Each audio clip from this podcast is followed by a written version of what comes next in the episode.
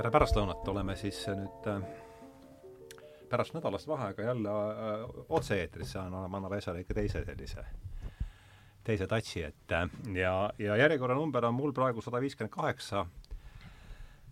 Ja selleks ta ka saab ja sada kolm Tartu saadet on veel varus, nii et et kokku on siis sada kuuskümmend üks, kui salvestamise järjekorras vaadata, aga, aga annaalid, et see läheb ta saja viiekümne kaheksa all, nii et mõlemad on kumb number sulle rohkem meeldib? sada kuuskümmend üks meeldib rohkem, tunnistan kohe. sulle? sada viiskümmend kaheksa. jah, see mm., mõlemad on tublid yeah. ma olen, tublid numbrid. ma olen Tartu, Tartu meeskonnas, ma mulle viied meeldivad. kuulge, aga siis, äh, mis siis ikka, et nagu ikka, kaks saatekülalist, nagu panite juba tähele kaamera pealt, et tere tulemast, Semjon Alonov. esimest korda meie stuudios, eks ole. just nii. ja Aleksander Eeri Laupmaa kolmas kord. kolmas kord. Sveniga ja Kärdiga. täpselt nii esimene saade Paabeli torn ja teine saade oli pre-, pre-, pre-, Prohvet Preeriast mm. -hmm. ja tänane on, ma arvan, seotud äh, sellise vaimulaadi ja tundetooniga ilmselt teise saa-, või selle Paabeli torniga pigem, mulle endale tundub niimoodi. no vaatame. vaatame, jah. aga saate nimi, aa, ma räägin, aa, öelge kõigepealt, teeme seda, sedamoodi, et rääkige kõigepealt, äh, öelge paar sõna enda kohta et äh, Aleksandr, sa võid alustada no,. mina alustan või? okei okay., no mul on esiteks äh, aitäh, Hardo, teiseks äh, kolmandas, kolmandat korda saates ja äh, lõpuks ometi juhtub ka see, et mult küsitakse ka, et ütle siis paar sõna enda kohta. esimeses kahes saates veel ei ole küsitud. ei ole, jaa. ma mõtlesin, et kõik teavad sind. minuga on, minuga on väga lihtne, mina olen lihtsalt meelelahutaja. jah. et see on see, mille, mis ma teen igat, igas erinevas vormis ja jah nii jääb? lihtne. nii jääb. jaa. Semjon? mina olen kusjuures väga palju mõelnud sellise küsimuse üle, et äh, kui keegi mul küsib, et kes sa oled, et äh, mina ei, näiteks ei taha ennast positsioneerida kellekski, et jah, ma olen insener ja. ja ma töötan ehitusvaldkonnas ja ma olen meelelahutaja, ma olen muusik mm, -hmm. aga ma ei taha kordagi öelda, et ma olen just see, sellepärast et see paneb mind piiridesse ja tegelikult ma olen Kassi lihtsalt jah, ja ma olen lihtsalt inimene, kes avastab maailma mm. -hmm. jah ja inimene, kes avastab maailma, see ja. on äh, päris jah, annab äh, sektori kätte hästi. täpselt, täpselt, päris ja. suur sektor. päris suur sektor, jah mm. ja, ja ma räägingi siis ka, kuidas noh, Aleksander Eeriga, ma ütlesin juba kolmandat korda käinud, aga et kuidas me selles koosseisus kokku saime, on see, et Aleksander Eeri kutsus meid Kaiega kahekümne kuuendal mail Fopaa finaali. ja ma saan aru, et see, see on käinud mingi selline terve hooaeg on käinud mingi niisugune sebimine ja see oli siis kaheksa, kaheksa finalisti astusid siis tund kaheksakümne minuti jooksul äh, üles ja tegid igaüks siis oma kuskil kümneminutilise numbri, see oli see vist, kus ma siis sattusin, saal oli rahvast täis, vibe oli jube hea, äh, see pärast ma vaatasin inimeste nägusid, kes saalist välja läksid, no super ja igaks juhuks mainime ära ka, et tegemist oli siis stand-up'i esimese esinemistega, stand-up komöödiaga. estraadietendus, mina olen tead Baski, no, Baskini ja Aimla ajast, äh, mina tõlk, tõlkisin endale ta estraadietendus. vanemale generatsioonile estraadietendus, nooremale stand, stand-up. jah, just, aga mõlemad jah, et nii üks kui teine. ja see mul, ja siis oli ammu jutt sellest, Aleksander Eeri võiks tulla tagasi, sest äh, sinu saade Sveniga äh, tõenäoliselt nüüd lähitulevikus läheb meie kõigi aegade populaarsemaks. parem oleks, see on ainuke põhjus, miks ma tulin. kui ma ei saa olla number üks, siis äh, saagu need saated kustutatud seda on vaadatud üle kahekümne tuhande korra, kaks, kahte saadet on vaadatud üle kahekümne tuhande korra, üks, mõlemas on siis Sven üks olnud, et praegu on ta Andreasega on seal ees ja ja sada kolmkümmend kaks oli see, kus mm -hmm. nii, aga siis, ja siis mõtlesime, et võiks see tulla ja, ja, ja siis ja siis tuli meelde Semjon mulle Tohu. ja ta tuli teoses sellega välja, et Kaiel on Audrus kandis on vanemate maja mm. -hmm. et me tuleme alailma Pärnust äh,, Pärnu poolt tuleme, siis keerame ära selle, sealt Pärnu maantee pealt keerame ära, mis ta on, Järvevana tee peale mm. -hmm. Yeah. ja siis ja seal vahepeal juhtub midagi ei juhtu? E, ei, seal selle Järve, Järvevana tee peal midagi juhtub, sest kuidagi liiklusolud muutuvad et midagi läheb nagu pimedamaks, tehisvalgus ja nüüd ma olin mm., nüüd ma olin Semjoni, käisin Semjoni kuulamas, saan aru, et see, kus ma olen käinud, on tunnel. just nii. jaa, ilmselt see on tunnel. ja, ja, ja, ja, ja nii ta, ja nii ta oli, et, et see, ja sealt tuli ka see, see, see töö pealkiri, Tunneli lõpp, et hmm. ja siit ka esimene küsimus, et millal sina aru said, et see, kus me sealt läbi sõidame, on tunnel? Kui kaua sul võttis aega, et minul läks äh, kahekümne, kaua see seal on olnud? minul läks päris palju aega tegelikult, asi oli selles, et äh, ma töötasin äh, Ülemiste City's, mis praegu on, eks ole, ja sõitsin seal bussiga kogu aeg. ja bussis on mis? igav eks ole, et kuulad muusikat, vaatad aknast välja, eks ole, ja mõtled ja mõtled ja mõtled ja tegelikult sa ei mõtle, et sa oled tunnelis, eks ole. aga siis, kui sa näed märgi umbes juba kahekümne viiendat korda, siis sa mõtled, oo, see on tunnel ma ei pannud tunneli, ma ei pannud märki tähele tõenäoliselt, täna me pildistasime, lasin ta kallal, Kaial ka üles võtta, et kusjuures väga vähed näevad seda, et peale seda, kui ma räägin seda nalja, siis pärast inimesed, seal ei ole mingit märki, aga tegelikult seal on seal on märgid. mõlemal pool. jah, aga aga täpselt seda, enne seda, kui ma, kui sa kui sa nendest kahest märgist ei rääkinud, ma ei pannud neid, ma ei pannud neid tähele ja noh, tõsi ta on, et pärast seda sinu etteastet ma vaatan neid märke hoopis hoopis teise pilguga ja need on hakanud mm. minu jaoks rääkima millestki, millele ma varem ei mõelnud, nii et juba mm. sellepärast läks see, läks see etendus korda ja mm -hmm. ja täna ma tegelikult tahakski rääkida sellest, et mida need märgid meile tegelikult räägivad meie elust. ühes, see, see tunnelijoru on ju vaid üks tahk sellest palju laiemast suundumusest, et et mis see suundumus on ja ja see haakus väga hästi selle ühe momendiga, mis sina rääkisid New Yorgi metroost, et võib-olla, võib-olla võib-olla too see oma lugu ka, oma lugu ka letti, et mis on ka tõsi ju selles mõttes, et ka nagu ma hiljem analüüsides aru sain, et ka metroo on ju tegelikult tunnel eks ole. pikk, tegelikult mm. on ju mm. tegemist pika tunneliga mm,. Ja. ja ma ennem ka, kui kuulajatele-vaatajatele ütleks lihtsalt ära seda, et kui varem mina olen kaks korda käinud, siis äh, Hardo on ikkagi ennem noh, et meil on olnud ikkagi teemad äh, nagu, millega tegeleda, milleks valmistuda, mille peale mõelda, mille kohta võib-olla arvamusi on, aga, aga nüüd, kui me seekord Hardo helistas, siis Hardo lihtsalt ütles, et oh, et kuule, et see Semjon, et, et rääkis seda tunneli lõpp, tunneli algus, et teeks saate ja siis ma küsisin, et millest me teeme saate lahti ja siis Ardo ütles, ma ei tea, tunnelitest. et võtame kas või Vikipeedia lahti ja hakkame otsast minema. ma ei jõudnud, ma ei jõudnud. et ühesõnaga, et see saab, et see saab olema meie kõigi jaoks niisugune nagu pimeduses kobamine nagu või isegi tunnelis kobamine, võiks öelda. et, et millest me siin hakkame rääkima, on, on meie kõigi jaoks täpselt sama suur üllatus nagu kuulajate ja vaatajate jaoks mm. -hmm. aga see, see, mis mina rääkisin eh, New Yorgi metroo kohta, eh, tegelikult minu jaoks on väga sellise märgilise tähendusega asi, sellepärast et see nali, mis ma New Yorgi metroost räägin, on tegelikult kõige esimene nali, mis ma kunagi üldse stand-up'i jaoks kirjutasin, mis oli üksteist aastat Hardo võttis meie saate Youtube'ist lahti, mõtles, et hea saade, tahaks kuulata, tahaks kuulata kohe tundub, tunduvad huvitavad poisid. Äh, äh, aga et ühesõnaga, et üksteist aastat tagasi äh, ma kolisin New Yorki üksteist aastat tagasi? kaua sa olid seal? Äh, ma olin seal kolm kuud, nii kaua, kui lubati viisavabalt olla. üksteist aastat tagasi? kaks tuhat üksteist aasta, jah, enne maailma lõppu täpselt äh, kaks tuhat kaksteist, mäletad, kui oli, kõik rääkisid sellest, et äh, Maiade kalender, maailm lõpp. see läks must täitsa mööda, see sul oli teistsugune Covidiga nii, nii intensiivselt selge, selge, selge aga ühesõnaga jah, et see oli kõige esimene nali, mis ma äh, siis oma stand-up'i jaoks kunagi kirjutasin ah, ja kui ma esimest korda stand-up'i tegin New Yorgis, siis see oli kõige esimene nali, mis ma kunagi sa rääkisin. New Yorgis stand-up'i või? jaa, aga so. kuna see oli nii metsikult hirmus minu jaoks, siis wow. Äh, see oli nii ebameeldiv kuulata Kajana iseenda häält Jesus. ja nagu ühesõnaga, see oli väga niisugune enesehinnangut allatoov äh, kogemus, siis mul läks pärast seda kuus-seitse aastat aega, et ma julgeksin uuesti hakata stand-up'i tegema. aga või? siis eelmine aasta mul tuli niisugune mõte, et kuna see oli esimene nali, mis ma kirjutasin stand,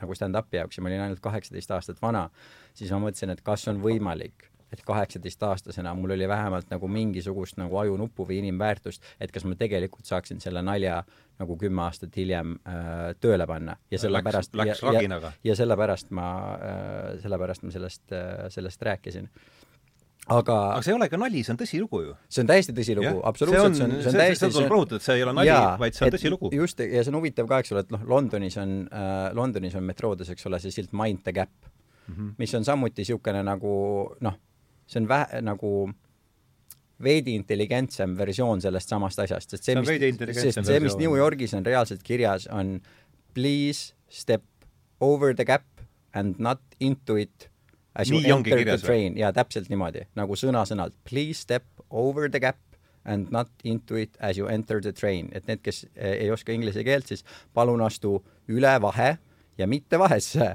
kui sa rongile astud. Äh, ja minu jaoks oli jällegi Eestist tulnuna oli suur-suur üllatus see, et äh, võiks üldse kellelgi niisugust küsimust äh, tekkida. ja nagu et, sa väga ilusti ütlesid, ühe inimese pärast ei panda ju silti peale välja. et järelikult neid, kes sinna vahele on ikkagi üritanud ennast pigistada, peab olema noh, pool vaguni täit. just, eks ole, neid ja vähemalt, vähemalt rohkem hmm., rohkem kui üks. et, et huvitav see tõesti on, aga ma, ega ma ei tea, mis siit äh, mis sellest mõttest nüüd siin äh, edasi võtta? no ma arvan, et see on see, et äh, kas mõistlik on üldse sellist märki panna? no see tege- ja no mulle miskipärast tundub, et me ka kolmekesi arvame, et ei ole no minu esimene seos aga ikka pannakse. minu esimene, küsimus, miks? minu esimene ja seos oli äh,, Eestis on ka loomulikult, meie mentaliteet on väga sarnane, aga kõige parem võrdlus võib olla näiteks Amsterdam, eks ole. kui sa Amsterdamis käid, sõidad jalgrattaga, autoga, vahet pole millega, sul on kõik kohad, eks ole, neid kanaleid täis mm. -hmm. ja kana, kanalite kõrval ei ole ühtegi aeda, ühtegi piiret, ühtegi silti, mitte midagi. selles mõttes, et inimloom kuidagi sadade tuhandete aastatega on aru saanud, et nagu, et siin on järsk nagu kukkumine ja seal on vesi. ma ei mäleta sadu, sadu ma ei ole ka ja siis kuidagi ise, ja siis kuidagi ise tuleb selle idee peale, et äkki ma ei astu sinna, kui mul just ei ole soovi kukkuda ja märjaks saada.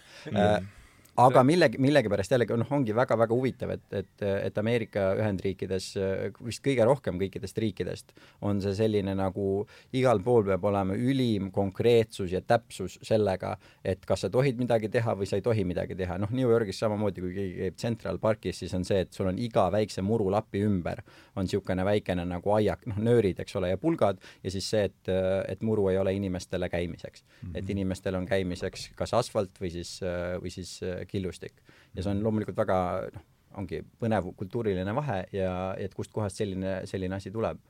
Kas mul on õigus, et see võiks tulla selle jaost, et see on äh, juriidiliselt seotud sellega, et inimesed, kui seal poleks märki, siis inimesed astuks sinna, ma sain viga, see on teie süü, eks ole.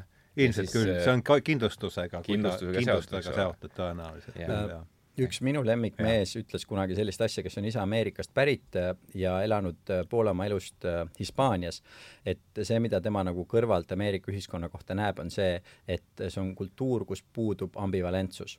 Et mhm. kui sa Hispaanias, eks ole, tahad oma autot kuskile parkida, kus on parkimine illegaalne, siis sa tegelikult võid oma auto sinna parkida, eks ole, et see tege-, see on, see on kõik niisugune hmm. nagu kõik, igal pool on, hästi palju on niisugust nagu halli ala ja, ja paljudel inimestel Hispaanias, Itaalias, Portugalis on see, et sul on kuskil parkimise keelumärk, sa pargid oma auto sinna, siis tuleb sul konstaabel, ütleb, et kuule, et siia ei tohi parkida, sa ütled, noh, kuule, ma käin lihtsalt poes ja siis ta on nagu mingi, ah, no okei okay,, noh, eks hmm. ole, aga Ameerika Ühendriikides on niimoodi, et seal on hästi-hästi konkreetne, kas võib midagi teha või ei tohi midagi teha mm. -hmm. ja kui see on nii konkreetselt tehtud, siis saab selle ju delegeerida tehisintellektile mm. -hmm. kui on, kui on null ja üks mm. eks ole ju. see mm, -hmm. see tundub olevat siin ka mingi, ma praegu mõtlesin mm, -hmm. mõtlesin selle peale. aga jaa. sa oled ehitusinsener läheme selle kandi pealt. et kuidas tahan öelda. Teil oli ju kindlasti loeng ka tunnelitest, midagi on meelde sellest jäänud? kusjuures ma ei ole teedeehitusinsener ja ma olen tööstus- ja tsiviilehitusinsener ja tegelikult ma ei ole insener, sest ma teen lõputööd. mul on sa teed praegu jaa, tipis, tipis oled või? ehk siis TalTechis ah,. TalTechis, jah. jaa, tipis, jaa, põhimõtteliselt. jaa, just, ja ma olen nagu töötanud selles valdkonnas juba kolm aastat, neljas aasta juba käib ja kusjuures tunnelitest ja nende ehitustest ma ei tea nii palju, kuigi ma olen vaadanud äh, päris palju videosid, kuidas tunnelid tehakse näiteks äh, vee alla. et see on nagu La Manche, eks ole, ja ja teised tunnelid ja tegelikult on suht äh, äh võimas mm -hmm. tunnelite tekita-, tekitamine, eks ole mm, -hmm. ja eriti näiteks Norras pikad tunnelid, kakskümmend kilomeetrit mm -hmm. kuskil kaljus äh, suure masinaga tehtud, eks ole, kuidas nad äh, ühest otsast mingi hiiglaslik puur, mis seal täpselt, täpselt, täpselt. teemantitega. teemantitega, mm, jah, teemantkattega võib-olla isegi, et äh, ma usun et see oleks päris kallis, kui see oleks teemantitega, aga jaa, just, ja just sama see Elon Musk'i projekt, mis ta tegi Californiast, kui ma ei eksi, et ta tahtis kõik liiklus, mis on teede peal, viia tunnelitesse ja see on ka, et temal oli niisugune mõte, et teeks tunneli ja kui pika siis?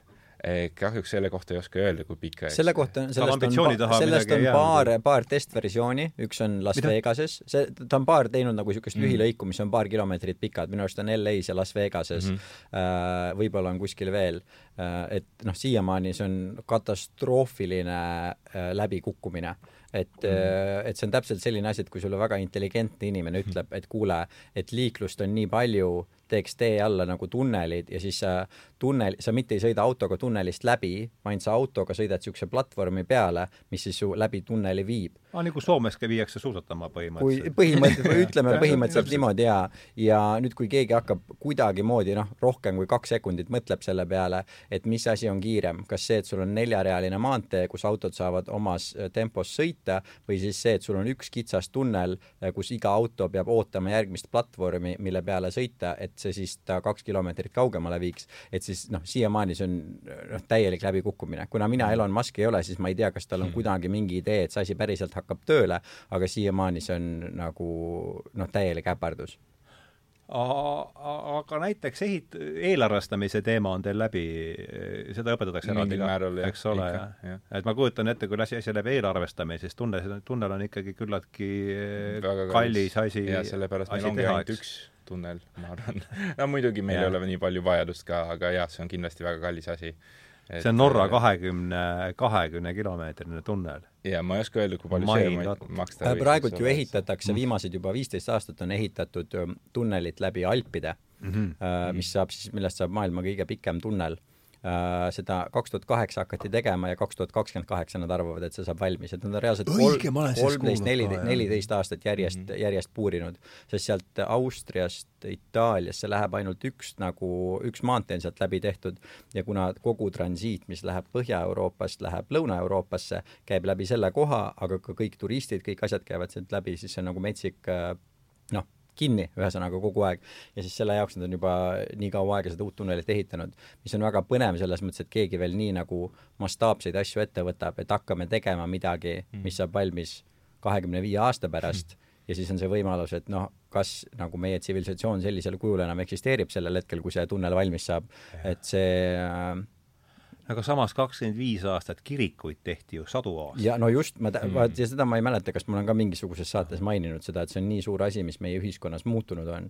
et, et kunagi meil olid ideaalid olid sellised, et sa hakkad midagi ehitama ja sinu lapselapsed, lapselapse, lapselapsed ehitavad sedasama katedraali kuskil Firenzes, eks ole, ja sa, sa näed mm. selle vundamenti võib-olla, aga ideaalid on nii kõrged, et see on see, mida tehakse ja noh, tänapäeval ei ole ju mitte midagi sellist, peale maanteede ja tunnelite, äh, mida me nii nii-öelda pühaks mul ei peaksime. kakskümmend peale kahekümne viie, kahekümne viie aasta, mis võib olla veel üldse sellest, äh, sellest äh, kategooriast, mul ei tule midagi tänapäeval ei, ei, ei olegi, ma arvan. vist ei, ei olegi, jah?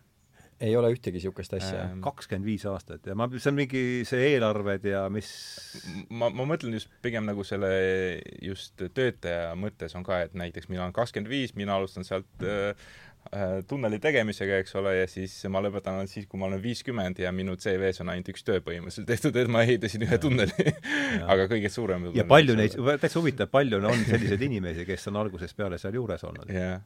Mina tahaks vahele ka öelda lihtsalt, et äh, ma kuulsin siin, kui Semjon vahepeal rääkis oma haridusteekonnast, et mina olin täiesti illusiooni all, et ma tulen saatesse kõrgharidusega äh, inseneriga ja kui nüüd tuleb välja, et tegelikult on tegemist lihtsalt õpilasega yeah,, et siis ma muudan oma suhtumist yeah. ja loodan, et hiljem mind saatest ka kustutatakse, sest mina olen äh,, tunnen, et mind on petetud siia ma tule-, vaatan, et on äh, Kölni katedraal äh, aastad, ehit-, ehitamise aastad tuhat kakssada nelikümmend kaheksa kuni tuhat viissada kuuskümmend täpselt kolmsada aastat ja ma tahan siin välja nii et tuua... alustati Toomas Aquino ajal ja lõpetati mm, kümme juba... aastat peale Descartesi surma. Pumm mm. -hmm. Pumm ja noh, keskajast renessanssini, eks ole. ja nagu, ja nagu hilisrenessanssini veel, mitte isegi nagu varasesse. ja siinkohal ma tahaksin ka öelda, et härra Linnar Priimägi, kes ütles mulle, et ei ehitatud ühtegi asja nii kaua, siis äh, ehitati küll, ma ütlesin talle, et kolmsada aastat, ütles, et ei ehitatud. ma vaatasin äh, seda saadet kusjuures. mäletad, ta ütles mulle niimoodi? no see, et Vikipeedias kirjas on, ei tähenda ka veel muidugi äh, tingimata. muidugi, äkki nad tegelikult tegid kahe päevaga valmis ja siis need töötajad olid lihtsalt ülilaisad, neil oli tegelikult, nad ütlesid, oi, veel läheb aega, läheb aega, läheb aega aega, see on, see on nii raske, see on nii raske tegemine meil koristada, koristada on vaja veel. liiv sai otsa ja aga seda ka, et praegu Barcelonas ehitakse siiamaani ju vot, La Grada õige, La Grada, La Grada Familia, familia, et siiamaani, et või võib-olla see võtab veel kolmsada aastat, kes teab, hakati- nojah, et mis see tähendab, mis see mis see lõigu läbi lõika aga seda hakati lindi läbi ehitama mingi tuhat kaheksasada midagi, eks ole, kas on, on mul õigus, eks ole? no kahekümne viie aastaga nad seda valmis tõenäoliselt ei ehitanud. ei, kindlasti mitte, aga jällegi, aga läheb täpselt samasse auku, et tegemist on ikkagi Jumala austamisega, tegemist on mingi, mingisuguse kõrgema ideaaliga, et see on ja. samast ooperist, kus on kõik äh, katedraalid, kirikud, muud sellised asjad, et see ei ole see, et ehitame maailma kõige suurema telemasti, eks ole, või Mhm. maailma kõige, ma ei tea, kiirema wifi ruuteri. kas sa oled lugenud äh, Tšeslav Miloši äh, abc-d? ei, tal on seal, sina? Ei ole. ta on väga kihvtisti teinud seal, Miloš on kaheksanda aasta Nobeli kirjandusauhinna laureaat mm -hmm. Poola, Poola poeet mm. -hmm. ja tal on, ta on teinud sellise, ongi abc äh,, armastus, alkohol, mis mul on seal, armastus koma esimene vist ja alkohol ja mis seal kõik oli, Pogo, täiesti esimesel mm. pilgul mingid suvamärksõnad on kirjutanud lahti mm. ja barokist ja see tuleb nüüd selle kirikutega, et baroki kohta kirjutab ta sellise legendi, et kui Ürst Vladimir saatis äh, oma, et noh, tuli, tuli välja, et on mingi niisugune usk, mingit joru aetakse seal Konstantinoopolis, et minge vaadake, et mis, mis joru see on, et võib-olla saab siin ka kuidagi seda niimoodi rakendada. ja et ta saadikud olid viidud Hagi Sofiasse ja nad arvasid, et kui nad kirikusse läksid, nad arvasid, et nad, nad sattunud taevasse. Mm.. et see, et selles olukorras, kus see mis seal katedraali ümber mm -hmm. oli tol ajal.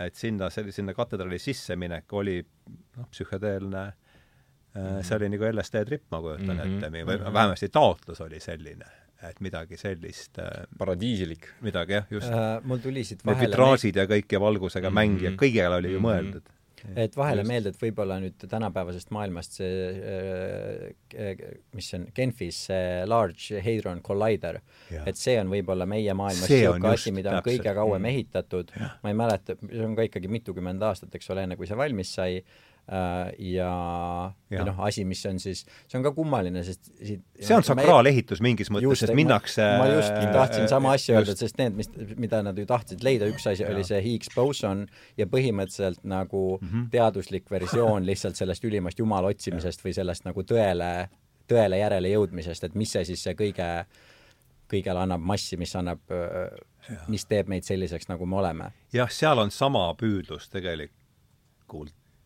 kuskil see mingi sama taotlus on sellel, mis ta kurat on, see põrguti, suur hadronite põrguti. just, täpselt. aga selle, mis ümber, läbi, ümbermõõt oli siin kakskümmend kaheksa kilomeetrit. seal on kaks ringi mu arust, üks on nagu see väiksem ring, kus nagu üks on lastele, lastele, teine on täiskasvanutele. lastelaud ja ja siis on suurem nii-öelda ring, kus hakatakse just selle kõige suurema kiiruse saama, kui ma õigesti mäletan aga äkki ma mõtlesin ka selle nagu võrdluse ja kas on puson siis või ei ole, eks ole, seal? Seda, kusjuures ma ei tea. Nad väidavad, et on. leidsid üles, Le leidsid üles ikka mingi hetk, jaa. tunnelist. jaa, täpselt.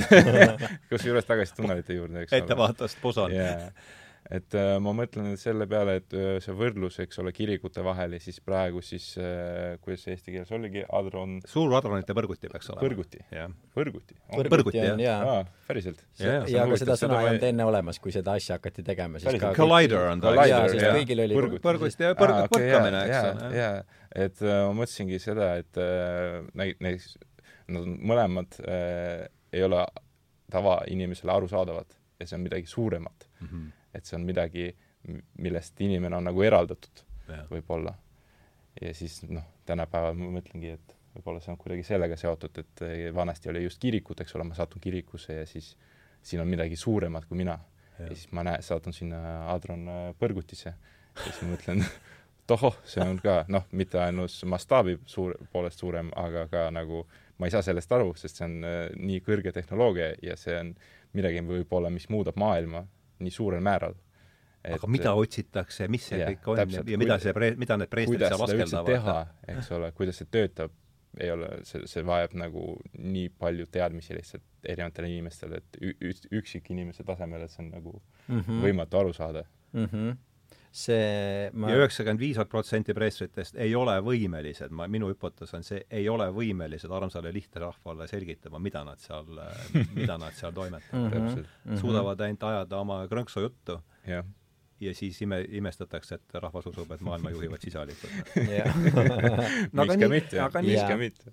see hakkab ju sealt pihta minu arvates. ja noh, selles mõttes, et kui nüüd nagu siin märgiliselt või niimoodi nagu väga piltlikult mõelda, lasta lihtsalt meelel niimoodi piltidest töötada, siis mm -hmm. noh, kui need on need inimesed kes äh, nii-öelda loovad seda meie maailma, loovad neid väärtusi, ütlevad, mis on õige, mis on vale, kuidas peaks käituma, mis me peaks tegema, mis on olemas, mis ei ole olemas ja nad elavad kõik äh, maa all, kus nad neid eksperimente teevad, sisalikud tulevad ka maa alt, siis jällegi niisugune, et kui sa oled lihtne inimene, kes ei mõtle väga nagu, sa ei mõtle liiga ratsionaalselt, sa ei mõtle kuidagi liiga keeruliselt Äh, vaid sa mõtled niisugustes väga-väga lihtsates piltides. kõik mõtleme arhetüüpides ja piltides. jaa, aga, aga mida rohkem nii-öelda intelligentsi inimesel on, siis ta aina rohkem nii-öelda surub seda arhetüüpsust alla või ta paneb sinna peale hästi palju niisuguseid keelelisi tõlgendusi, äh, meelelisi tõlgendusi. ja unustab seal ära, et tal üldse seal all midagi just, just, just, aga lihtsad inimesed, äh, nad ei oska seda kuidagi kirjeldada, nad ei oska seda seletada, aga nad näevad maailma väga pildiliselt, väga lihtsalt, mida on lihtne ka naeruvääristada, aga tegelikult seal on mingisugune tõepõhi all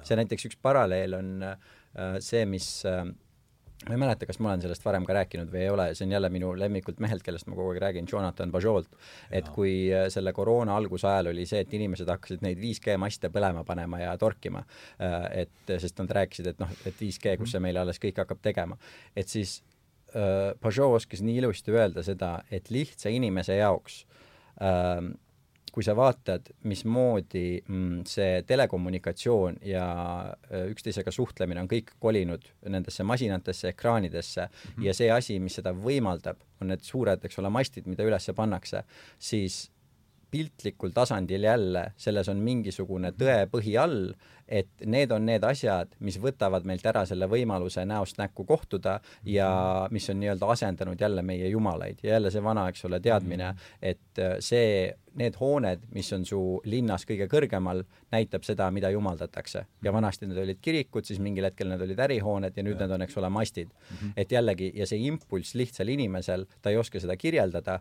äh, ta oskabki võib-olla väga-väga nagu niisuguste lihtsate sõnadega seda öelda, aga on see, et see paganama mast on süüdi selles, et ma ei saa oma, ma ei tea, sõpru või peret näha või mida iganes teha ja noh, lähebki seda nagu karguga, karguga lööma või tuld otsa sinna panema.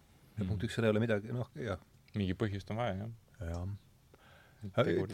Ameerikast oli juttu ja, ja mm., ja, ja selle sakraalsusest, ma mäletan, üks pilt, see mul järjest läheb tagasi, Floridas sõitsin kunagi ringi seal, ma olin seal Everglade'is ja kusagil ümber on mingid, et niisugune alligaatori koplid pikalt ja siis on see kaugel, on see Orlando, see äh, Disney vaateratas, seda on näha, ma ei tea, saja versta peale. Ja ma olen tagasi mõelnud selle peale, et et seesama, et see kõige kõrgem hoone on see, mida kõige rohkem siis, mida, mida peetakse kõige kallimaks või kõige olulisemaks, et et kas siis see ongi nüüd see siis, mida siis, äh, kuhu me siis oma vungi paneme, et ühest küljest otsime mingit udu sealt äh, maalt kas oli kolmekümne kilomeetrine ikkagi, umbes kolmkümmend kilomeetrit mm, -hmm. eks ole, see, see oli ümbermõõt, eks ole. Mhm. jah, jah, just. kolm ja järelikult ja meil on praegult äh, fotograafis kas äh, uus väga lahe näitus äh,, kõik teavad maali äh, Hieronymus Boschi Maiste naudingute aed. Äh, üks kuulsamaid. see on see Triplühoni, üks Triplühoni üks osa, eks ole? just, täpselt. ja, äh, ja, äh, ja. sellest tegi äh, NYU üks õppejõud ja kunstnik tegi uusversiooni hmm. äh,, mis on tehtud emojidega. Ehk siis mm. nende noh, naer-, naerunägudega, eks ole, mida me kasutame ja, chatides ja. nii edasi. ja see on meil fotograafis kas veel vist augustini üleval Oi, ja see on selles mõttes väga-väga põnev just selles mõttes, et see Äh, noh, Bosch, mis ta tegi, tuhat nelisada üheksakümmend kuni tuhat viissada kümme, kakskümmend aastat oma elust, neljakümnendast kuni kuuekümnenda eluaastani pühendas sellele, et teha valmis üks maal, eks ole, noh, nüüd see on üks maailma kuulsaimatest maalidest. ja näitab seal siis noh, oleneb, kuidas tõlgendada, aga ma ei tea, maad, taevast, põrgut, mida iganes ja. veel. ja äh, ja siis sellest on tänapäeva versioon mis näeb välja justkui niisugune nagu sellesama asja labastus, et, et lihtsalt on kõik asjad emotsidega asendatud, kõik on jälle seda äh, värvikirevust, tihedust, seda, kui palju asju seal toimub, on kõik sama, aga kõik on emotsidega. ja esmapilgul võib jätta sellise väga noh, suvalise mulje ongi nagu keegi teeks mingisugust paroodiat justkui, et sa võtad midagi nii ilusat, püha, tähtsat ja teed sellest niisuguse labastuse.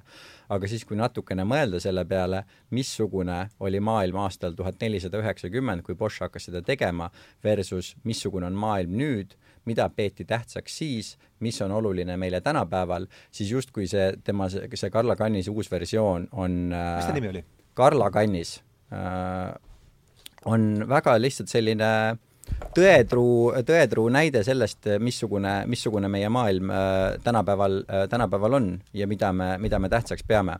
kuidas kirjutada? C-A-R-L-A. ja C on kannis ka või? jaa, kann-, ei kannis on G-ga. K-ga? G-ga. Gröönimaa? Gröönimaa, jaa.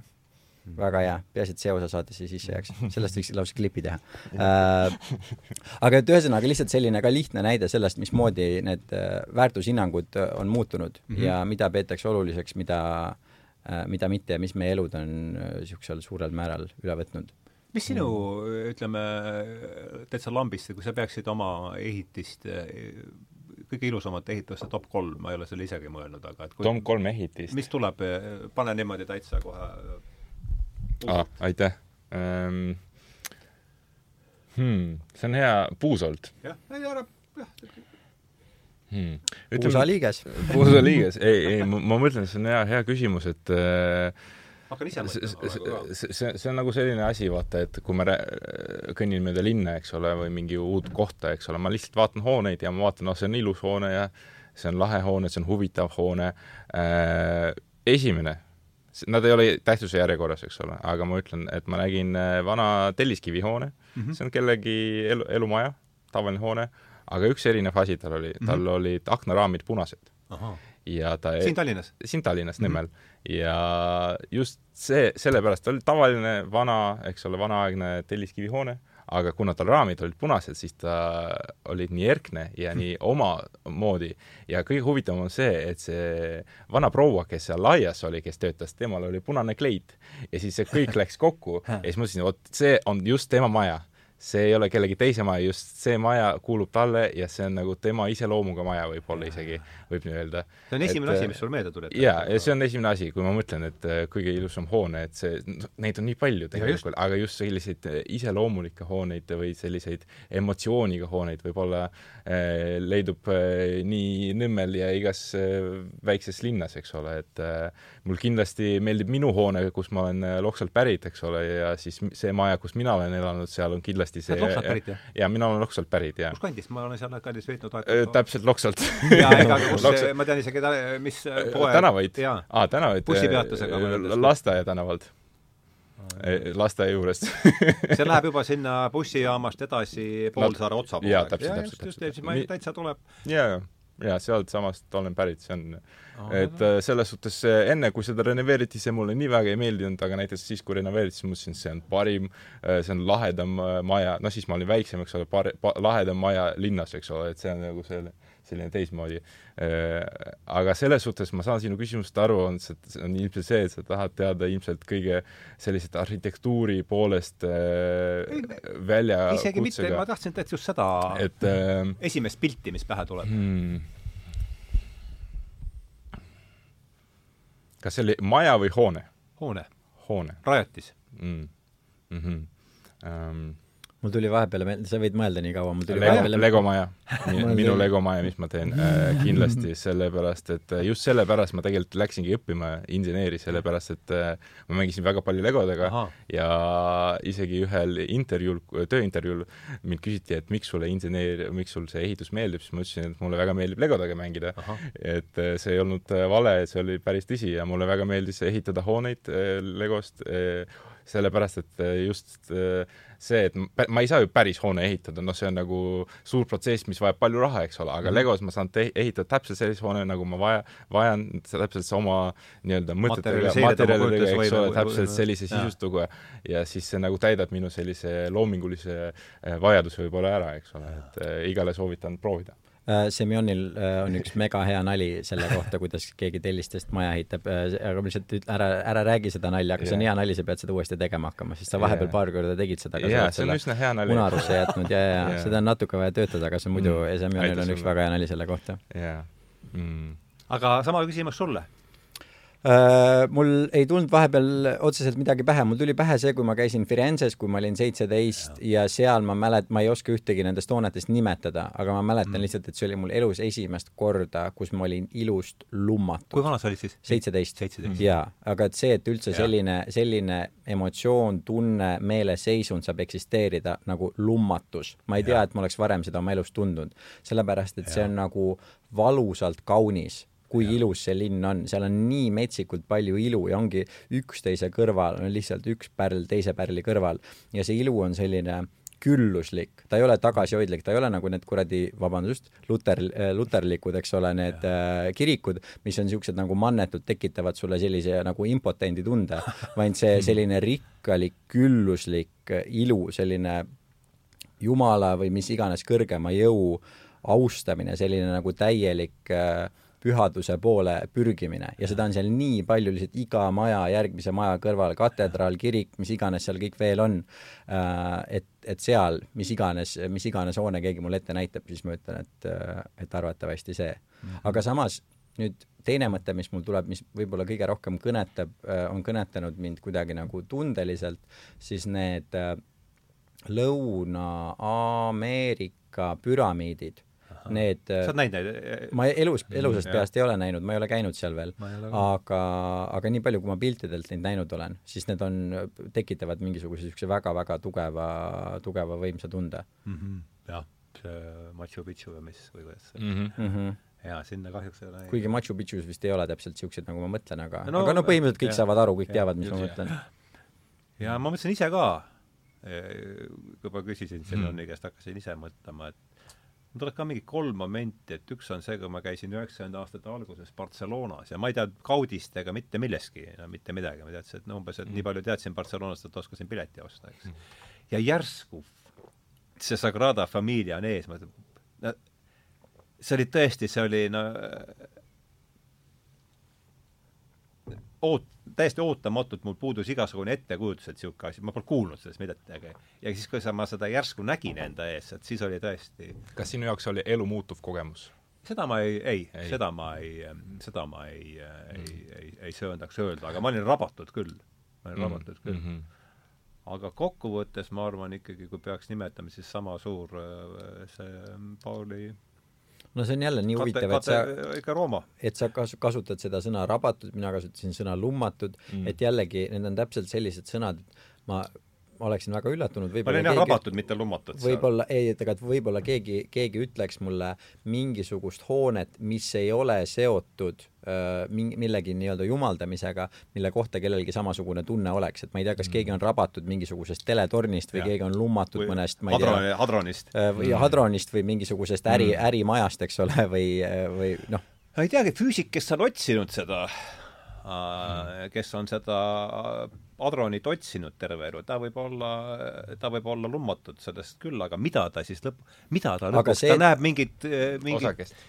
No ta on, ei, ta näeb ta midagi, midagi. kompuutri, kompuutriekraanil ta no. näeb mingit, ma ei tea, udust jutti tõenäoliselt. ja, ja siis ja siis on seal kõrval äh, umbes kuus lehekülge numbreid, mis mm -hmm. tõenäoliselt ütlevad, et see on nüüd see jutt, mis, mida ta otsib, sest ja. jutte on ju tunnelis mitmeid mm. -hmm. aga see, et tavaline inimene astuks, astuks sinna sisse, näeks seda kõrvalt ja oleks see, et ta tunneks midagi teistsugust või noh, tunneks midagi nii-öelda meeli ülendavat või ja. vaimustavat, mis on ka eesti keeles nii ilus sõna, et ma olin vaimustunud, eks ole, sain, ma ei tea, vaimuga üheks, tundsin ühendust vaimuga, äh, et, et sellist asja, noh, ma ei tea, kas Radisson SAS-i vaadates kellelgi äh, tekib niisugust tunnet või mitte äh, ma mõtlen ka, ka seda, et see põrguti, ta on tegelikult ju ei ole nähtav koguni, vaata, et sa mm -hmm. tegelikult näed, sa oled seal väikses ruumis ja seda ei saa nagu tervenisti näha, eks ole, nagu võib-olla teist hoonet, aga ma mõtlesin ka selle peale, Hardo, et kui sa küsisid kolm äh, hoonet, mis kõige mulle, rohkem mulle meeldivad, asi on selles, et ma olen väga vähe reisinud ja mm -hmm. ma ei ole ühtegi hoonet, ma olen kõiki piltide peal näinud ja siis äh, piltide peal nad ei näe võib-olla nii äh, suured, eks ole, või nii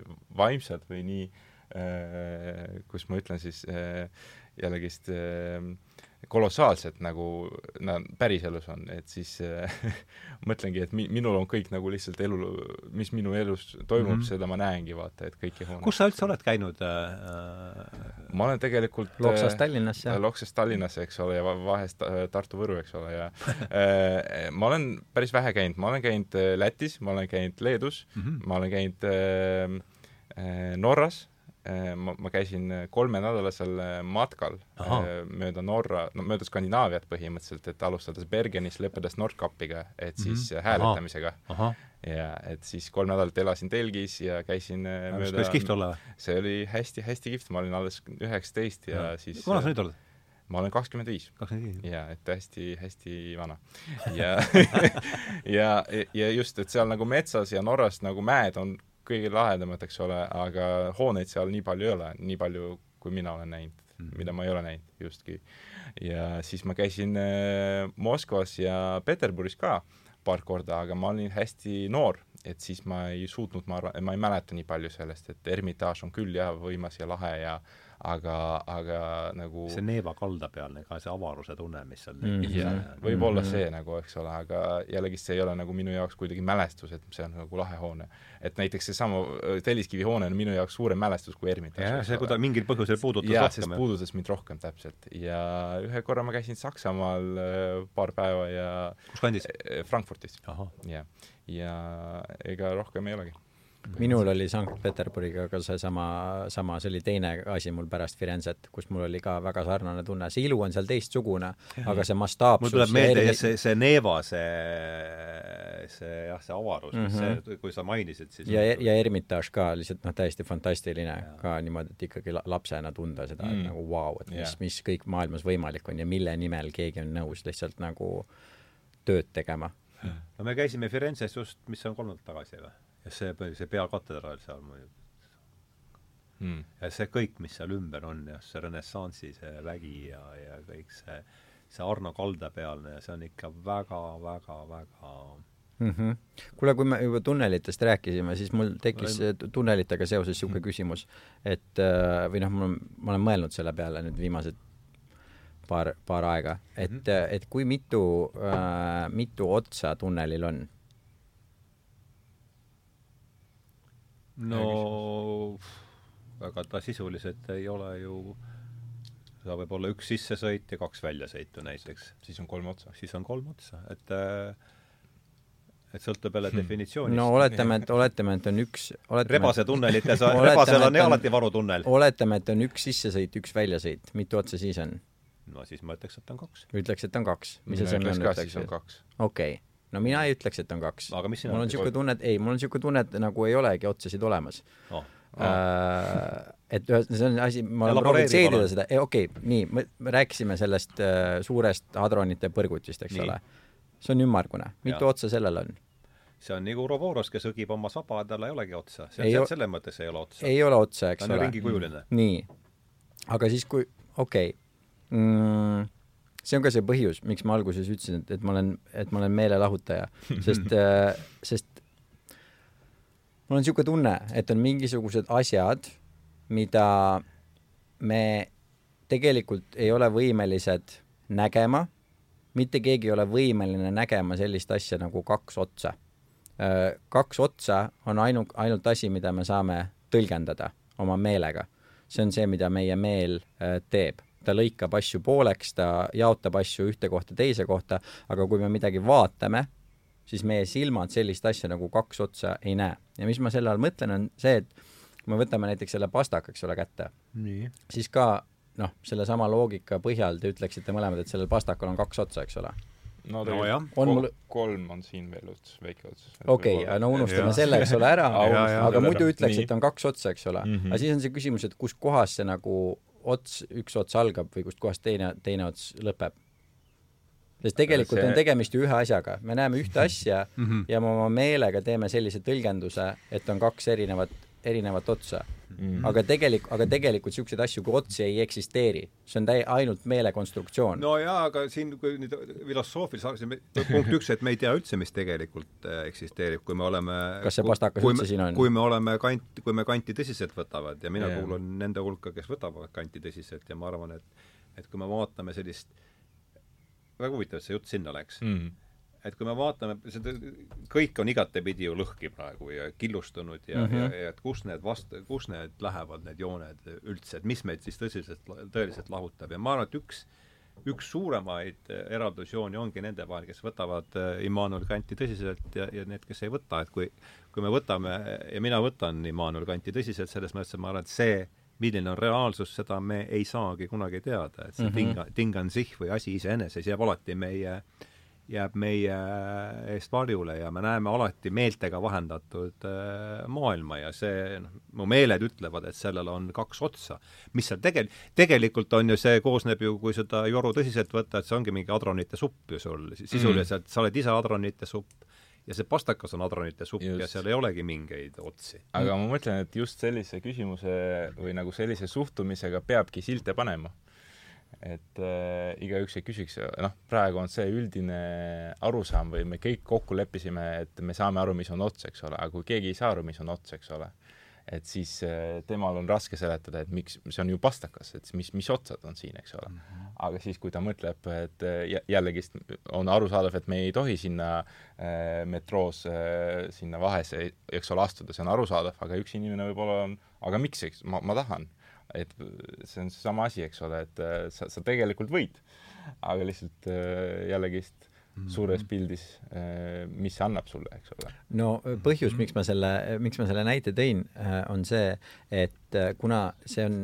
nii palju kui jällegi mina aru saan, et kuna see on meie meel, mis nii-öelda praktiliste asjade lihtsamaks tegemise eesmärgil mm -hmm, tekitab sellise definitsiooni nagu ots mis ei ole jällegi reaalne olemasolev asi, vaid siis sõna meelelahutaja ja miks ma kutsun ennast meelelahutajaks, on see, et kuna meie meel selliseid asju teeb ja see võib olla mingites olukordades väga kasulik, aga ka kõik probleemid enam-vähem, mis meie elus on, tulevad sellest, eriti mis on vaimsed probleemid Äh, tulevad sellest, et meie meel on mingisuguseid asju kuidagimoodi hakkinud, mingisugused definitsioonid tekitanud ja me usume neid definitsioone ja see on see asi, mis ja me näeme nende lõksu. just, ja me mhm. jääme nende lõksu ja me ei suuda sealt välja saada ja mida tähendab meele lahutamine, mis on minu arust meie ühiskonnast mhm. ära unustatud, on see, et sa, see asi lahti, lahti ja. võtta, et need definitsioonid, need piirid, mis sa oled kuskile pannud, et suuta need ära lahutada ja ja see on mm. tegelikult, kui inimesed arvavad, et aa, meelelahutaja, see tähendab midagi labast, minu jaoks meelelahutaja ei tähenda midagi, midagi labast, minu jaoks meelelahutamine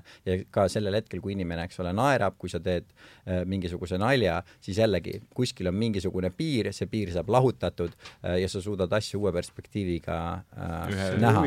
nurga alt, eks ole. me rääkisime eile, ahaa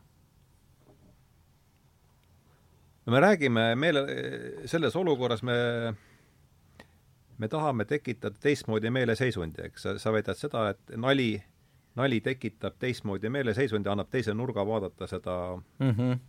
tegelikkust, milleni me ikkagi mm -hmm. ei jõua yeah. ja eile sai mul siin kirjas, me rääkisime siis äh, Nietzsche'st kui äh, süvapsühholoogia, Nietzsche süvapsühholoogia ristiisa midagi oli see laiu tavaliselt, uni, orgasm ja aevastamine on surmale kõige lähedasemad, keegi ütles sellise sellise, sellise, ma ei tea, kelle, kas see oli Jung või Nietzsche või Pak-. ma olen kusagil, sarnaseid mõtteid kuulnud. see tuli, et la, laske, laseme sellele ringi peale. kusjuures ma võib-olla lisaks, et naer ka mingil jah, just, just, just. et ma just, kusjuures paar nädalat tagasi rääkisin sellest, et miks mulle meeldib inimesi naerma panna mm, -hmm. et äh, miks ma just tegelen sellega, et äh, käin laval, eks ole, ja üritan nalju kirjutada ja mõelda e-, erinevaid olukordi välja, on see, et mulle meeldib, kui inimesed naeravad naeravad, eks ole, see mm -hmm. toob äh, mulle häid emotsioone ja neile häid just. emotsioone.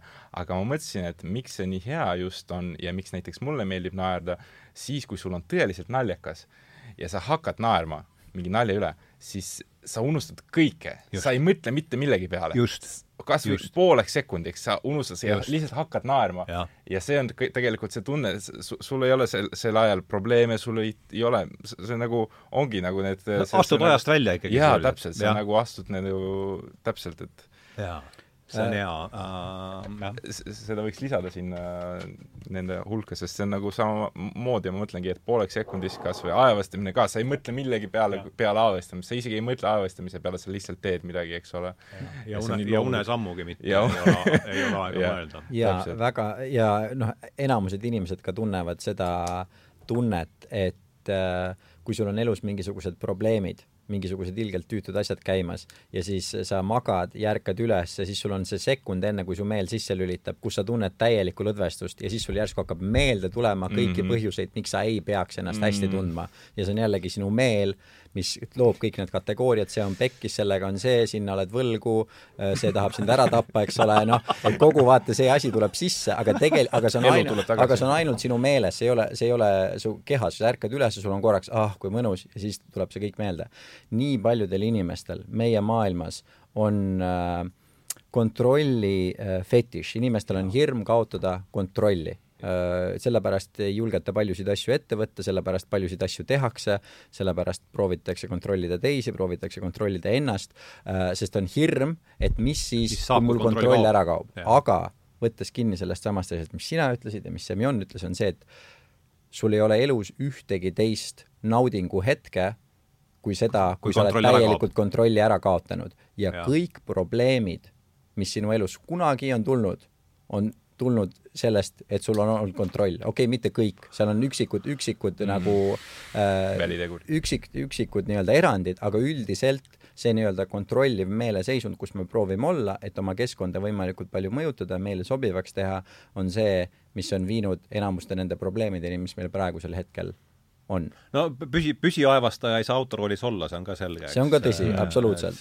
et ammugi, kui tunnelisse läheb siis on eriti raske. siis on eriti raske, jah jaa, väga huvitav. aga see on, see on jah, see on, kogu see teema on väga selline, äh, mul seostus millegipärast, kui sa seda rääkisid, äh, see kogemus, mis mul kunagi joogas oli, kus äh, ma ei mäleta, kas ma olin varem sellest nagu budistlikust kontseptsioonist kuulnud, mis on siis see koht, mis on sissehingamise ja väljahingamise vahel sellepärast, et eks ole, me kõik suudame sisse hingata, me kõik suudame välja hingata, aga sellel hetkel, kus sa oled sisse hinganud ja enne seda, kui sa hakkad välja hingama, on üks koht, kus sa ei tee mitte kumbagi mm. -hmm. see koht on, noh, see on vähem kui millisekund, eks ole aga see koht see on olemas. aga see koht on olemas, see koht on olemas ja see on üks fantastiline asi, mida teha, äh, kas mediteerides, joogat tehes, jalutades, kõndides, proovida see koht üles leida no, ja olla ainult selles kohas, sest jällegi ma ei mäleta, kes see oli, keegi kuskil mingisugune budistlik õpetaja ütles selle kohta, et see on see nagu noh, see mingisugune tõe või elu või reaalsuse äh, päris koht, see on, see on see koht, kus äh, mm. jällegi, ja see on absoluutselt igas meie hingetõmbes, jälle üks koht, meil ei ole kontrolli selle üle äh,, me ei saa seda kuidagimoodi muuta, see on lihtsalt mingisugune punkt, mis alati eksisteerib, vahet pole, kas sa hingeldad kiiresti, aeglaselt, oled rahulik, oled ärevil, see on mingisugune koht, mis eksisteerib, see on väga-väga huvitav koht, millest kinni võtta. jällegi, kui sa rääkisid, siis ja. enam see mul ei eksisteeri, sest ma nüüd mõtlen selle peale ja ma nüüd keskendun sellele, et see oleks nagu noh, hingan sisse, nüüd ma ootan kakskümmend sekundit ja siis ma hingan välja ja tegelikult kui sa poleks mulle seda rääkinud, siis mul see koht oleks eksisteerinud, vaata, siis ma ei mm. mõtle hingamisele. aga kuna nüüd ma mõtlen hingamisele, siis äh, ma ei tea, kas kas see on, on nüüd see true asi. aga, aga kui sa ei tee niimoodi, et sa ei hoia, et, et kui sa üritadki ikkagi minna flow's niimoodi ja, ja siis leida, siis, siis leida. ma arvan. aga isegi, ega isegi kas sa, kas kumbki tegeleb teist, pole minu asi, no ma, ma, ma võin ikka küsida. Ardo, see, Ardo, Ardo, vot see ei ole sinu asi ei ole mediteerimisega või mitte. kas see tegeleb, nüüd sa läksid üle piiri. tegeleb keegi meie meditatsiooniga teist pidevalt? ei ole kordagi tegelenud. ahah yeah., sul on, sina oled vähemasti tegelenud. jaa, ma ütleksin, et väga.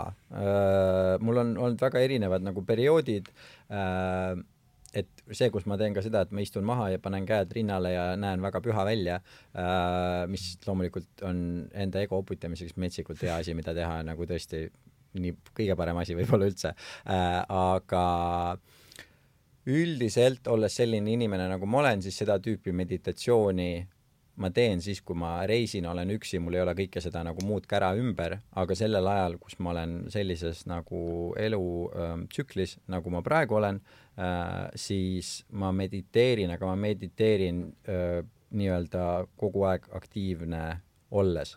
ehk siis see, et äh, noh, minu äh, uskumus on see, et ükskõik mis asi, mida sa teed täielikult kohal olles, on mm -hmm. mediteerimine. ja ma päeva ja. jooksul võtan lihtsalt neid hetki, kus ma panen silmad kinni, hingan sisse-välja, tunnetan oma keha, ma proovin seda teha jalutades, ma proovin seda teha inimestega rääkides äh,. loomulikult see on mulle keeruline, sest ma olen oma loomult äh, mölapidamatu ja tahan kohe siukseks muutuda mm, -hmm. nagu siin saates kuulda on, aga, aga see on vähemalt mul viimased jah, umbes äh, kuus-seitse-kaheksa aastat äh, olnud äh, ikkagi igapäevaselt väga oluline äh,, oluline asi. jaa no ma kasutan, ma ei, ma ei teadnud, ma ei teadnud just sinust midagi. nüüd ma sain ma ei teadnud sinust ka mitte midagi. aga nüüd ma tean, et sa õpid ehitust ja, ja, ja sul on, kui ma ütlen sulle sõnapaari eh, analüütiline geomeetria, ütle mulle sealt äh, midagi. analüütiline geomeetria, jah? Oh, esimene pilt, mis pähe tuleb. see on äh, päris ammusest ajast juba, ma arvan, et ma olen äh, see kuidagi tundub haakuvat sellega, otsade ja kõigega. Eh, jaa, ma mõtlengi, et meil analüütilist geomeetriat ei ole olnud, ma arvan, et see oli siis, kui, kas sina käisid ka tipis? mina käisin ka tipis jah, ja, ja. sina käisid ka tipis, eks ole, et ma mõtlen, võib-olla need ained on teistmoodi nimetatud, et me ei ei, vaevalt sellist ainet on, aga see on meetod, eks ole, et, et kas sul tuleb midagi, mis ei, kui sa peaksid hakka... mul tuli ma, püha... ma ütleme niimoodi, ma, ma olen insener, aga ma ei ole kõige parem insener, eks ole, see on selles suhtes, et kõike, kõike mul ei ole kindlasti me-, meeles, eks ole, et äh... minule tuleb püha geomeetria ainult pähe, mul analüüti-, tuli analüütiline geomeetria null. No, nii pähe, kui mina sellest aru saan, on see, et ikkagi kõiki ruumipunkte saab esitada numbritena jällegi. Ja see, oh, see viib meid, eks ole, et kõik eh, ruum on teisendatav äh, numbriteks ja see kuidagi haakub, aga las ta jääda. Mm. las ta jääda siia, las see siis, ma, ma proovisin. kuna me ikka ei, mul ei ole midagi selle peale. Kuna äh, meie neid, ei ole veel neid saateid kuulnud, mis sa Tartus tegid kindlasti huvitavate intelligentsete inimestega, et kas sul endal on mingisuguseid märkmeid või meeles sellesama eelmise aevastamine, orgasm, magamine, mingisuguseid nagu huvitavaid mõtteid selle kohta, sest äh, see on täpselt selline nagu äh, lõputu must auk, mis on tunneli no, lõpp mis ja. ongi tunneli lõpp, millest saab igavesti Nii rääkida, aga see on väga huvitav teada, mida teised inimesed arvavad selle kohta. mul tuli, niikaua kui sa mõtled, mul tuli Nietzschega seoses äh, Nietzschest me rääkisime, Nietzsche oli see, mis meid kokku tõi. just, ma ja selle, kuna sa mainisid teda, siis see on ka niisugune asi, et ma olen kuulnud nii mitut äh, intelligentset inimest nii sinu saates kui ka mujal äh,, noh, Peterson on üks võib-olla parimatest näidetest, eks ole, kes Nietzsche't õudselt nagu niimoodi ülistavad, räägivad kõigest sellest, mis ta õigesti tegi ja kui tark ta oli ja, ja kõike seda. Peterson tast väga ja, ja see on minu jaoks selline ja jällegi ütlen kõikidele kuulajatele, kellele Nietzsche meeldib ja ma ei väida, et ei oleks öelnud väga tarkasid ja kavalaid asju, et mina olen ilma hariduseta meelelahutaja äh, ja ei ole nagu väärt midagi kuskil, mis mina ütlen, aga minu arvamus lihtsalt on see. seda meil see huvitabki, sellepärast me saates äh, et äh, see on väga huvitav, mismoodi jälle meie meel on võimeline tegema selliseid rehkendusi et rääkida mingisuguse inimese äh, geeniusest, äh, kes oli see äh, Mihkel ka ühes saates, kus ta rääkis, Mihkel, vabandust, mis on Mihkli perekonnanimi? Mihkel Kunnus, jaa. ka inimene, kes mulle väga meeldib, kelle saateid mulle väga meeldib kuulata ja kui ta, kui ta siin käib. nii, aga üks ka asi, mis ta nii huvitavalt ütles, oli see, see on niisugune, emblemeerib seda hästi, et Nietzsche eluaastad olid sellest ajast kuni selle aastani ja siis ta neid kümme, kümmet viimast aastat sisse ei arvestanud, sellepärast et Nietzsche ja. läks, eks ole, peast hulluks ja siis tuhat kaheksasada kaheksakümmend üheksa. just, ja, ja minu jaoks on väga veider jälle viis, kuidas ainult meie meel suudab maailma tõlgendada, sest nagu kui sa kiidad kedagi selle eest, milline geenius ta oli, ja siis ei arvesta sisse seda, kuhu tema geenius ta lõpuks välja viis, et see on selline väga kummaline, äh, kummaline asi, eks ole, et see on samamoodi, kuidas ma kiidan kedagi, et oh, vaata, ta on nagu nii hea rallisõitja, vaata, kui hästi ta autoga kiiresti sõidab, aga ärme räägi sellest, et ta lõpuks sõitis vastu puud ja suri ära. et, äh, et see on ka niisugune huvitav, huvitav läänelik äh, selle intelligentsi austamise ja fetišeerimise näide minu jaoks, kus, äh, kus me suudame kõrvale jätta igasugused asjad, sest mingi üks spetsiifiline osa kellegi keelemängust või võimekusest äh, keelt ja maailma tõlgendada äh, lihtsalt meid lummab jällegi.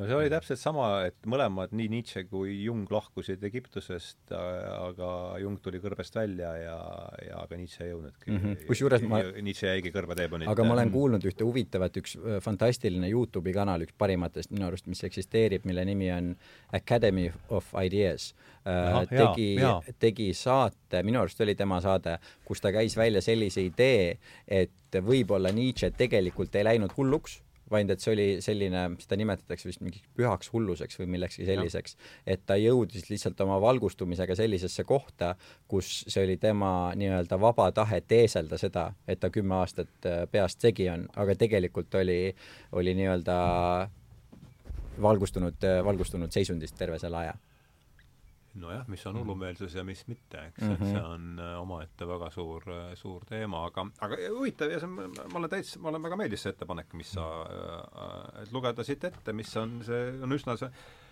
süvapsühholoogia võta, see on esimene lause, mis mul sai eile kirja, süvapsühholoogia võtab tõsiselt alateadvust. alateadvus ja nali. see on. alateadvus ja nali? alateadvus ja nali mm kuidas need on seotud omavahel, mis sa alad, mis sinu arvates, et äh, on... räägi, mida sa arvad, mitte jällegist äh, pole kunagi mõelnud niimoodi aga..., aga kindlasti alateadvuses. ma arvan, et alateadvuses võib kõik naljakas olla mm.. kui päris teaduses sa saad aru, et see ei saa olla naljakas. näiteks mm. -hmm. see on noh, sa saate aru, et äh, toimub päris palju halbu asju, eks ole, maailmas ja siis sa mõtled, et see ei saa naljakas olla, eks ole mm. -hmm. aga alateadvuses kuskil sügaval sa võid leida, kuidas seda tõlgendada kuidagi naljakamaks või kuidagi nalja poolest, eks ole, ja ja kindlasti ei tohi niisuguseid asju rääkida, eks ole, eriti tänapäeval oh,, et aga, aga lihtsalt, lihtsalt nalja mõttes, et sul tekiks see hetk, kus sa ei mõtle, et see kõik on kontrolli, kontrollimata, eks ole, siis võib-olla see alateadvusest võib, võiks nagu tulla see mm -hmm. alateadvus on jällegist väga huvitav asi ja et äh, kas see on üldse olemas, eks ole, ja, ja ma, ma ei ole nii palju lugenud ja ilmselt äh, kui teie, et äh, mul on see põhimõte ka, et ma lihtsalt pigem mõtlen ise yeah., kui loen teisi inimesi mm eks ole, sest ühelt poolt ma saan aru sellest, et inimesed loevad selleks, et saada teisi seisukohti mm, -hmm. aga kahjuks ma näen ka seda, et inimesed loevad ja näevad Eh, kuidas teised inimesed teevad ja nad võtavad seda omaks mm -hmm. ilma selleta, et nad läbi, läbivad selle ja. enda om,, läbi oma prisma, eks ole. ja siis ja. Äh, mina kahjuks otsustasin peale äh, peale, ütleme nii, et peale gümnaasiumi ma lugesin ainult ühte raamatu mis oli esimene raamat ka eesti keeles, mis ma lugesin. ja peale seda ma ka ei olnud, ei lugenud ühtegi raamatut, sellepärast et ma ei näinud vajadust sest äh, ütleme niimoodi, et äh, mu alateadvus ütles mulle, et ei ole vaja. mis raamat see oli? see oli Sinu loomuse nõrgad kohad ja üks sinu loomuse? sinu loomuse nõrgad mm -hmm. kohad, ma ei see mäleta. Krishnamurti raamat või keegi niisugune? Äh, see äh, on eneseabistamise raamat, peaks olema, ja ma sain selle Konsumist väga odavalt, sest ma mõtlesin, et ma peaks endale ostma raamatu ja ma siiamaani tegelikult ostan endale raamatuid, et nad oleks mul, mul, et ma noh, ikka eesti keeles ja inglise keeles, sest äh, eelnevalt ma lugesin ainult vene keeles ja see oli minu jaoks nagu huvitav väljakutse, et lugeda seda eesti keeles esimest raamatut. ja siis, kui ma lugesin seda ja sealt ma sain nii palju mõtteid elule, et ma mõtlesin, et peale seda mul ei ole vaja mitte midagi lugeda, nüüd ma olen õnnelik inimene ja mul ei ole midagi vaja. et seal tegelikult, mis mõte ma sain seal, on see, et muretsemises ei ole mõtet.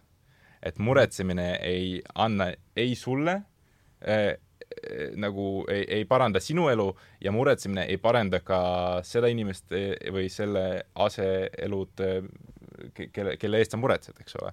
ja ma mõtlesin, et see on nii tark mõte, et eh, nüüd põhimõtteliselt eh, ma ei muretsegi ja see ongi see, et mis mul ei ole kontrolli eh, asjade mm -hmm. üle, et ma ei hoia kõikidest asjadest arvet, ma lihtsalt elan ja avastan maailma, et see, see, mis ma alguses ütlesingi, et et see, see, see, sellest nagu äh, ma ei teagi, kuhu ma tahtsin jõuda sellega, aga aga, aga see on väga ilus kõik, mis sa ütlesid ja ma kirjutaks sellele saja protsendiga alla. seesama asi, mis sa ütlesid selle kohta, et nii tihti inimesed äh, loevad midagi ja nad võtavad need asjad omaks, ilma et nad ise oleksid seda oma elukogemusest maksutavad järgi nagu ööbik, eks. just, ja see oli ka Kahjuks. minu point, miks ma tõin selle Nietzsche näite, on see, et kui inimene loeb Nietzsche't näiteks või ükskõik keda teist, kes on lihtsalt filosoof, mitte elaja Mm -hmm. nagu üks hea Jungiani järglane ütles seda, et praktilisi filosoofe ei ole olemas.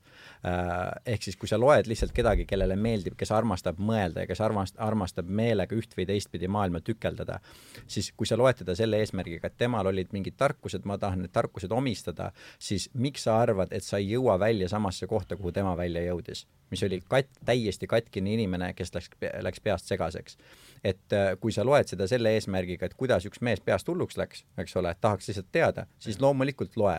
aga mina, mina isiklikult jällegi, ja see võib olla lihtsalt minu laiskus, mida ma välja vabandan äh, sellega ka, et mina ei arva, et on kuidagimoodi mingisuguse intelligentsuse või tark-, intelligentsuse näitaja küll, aga tarkuse näitaja see, et kui palju sa oled mingeid filosoofe lugenud äh,, sest nagu esiteks, kui need ei ole sinu enda eluteadmised, jälle kordan lihtsalt Semjoni mõtteid, vaid need on asjad, mis sa oled lugenud teisi inimesi ütlemas mm -hmm. ja mhm. nad on, neil on mõju sulle ja sa lihtsalt võtad selle uskumuse üle, siis noh, sorry, see ei tähenda mitte midagi aga ometi on, ma ei tea, kuidas, minul on küll olnud paar kohta, et ma loen kedagi ja vau, noh, Petersoniga oli juba tihti, et vau, ta räägib ju seda, mida mina olen, ta, tal on need sõnad, mida siin... ma olen tundnud, aga mida mul ei ole, et ja, see on jällegi aga seesama, aga seesama asi mm -hmm. minu arust, mis, mis Semjon ütles ka, et et kui ta loeb lihtsalt raamatut, mis õpetab talle midagi nii head, et miks mitte muretseda, mingi asi, mis teda vabastab, mingi asi, mis aitab mul elus mm -hmm. paremini hakkama saama, aga mis ei ole lihtsalt mõttekonstruktsioon, et ma nüüd usun reaalsuse kohta kas seda või kas seda,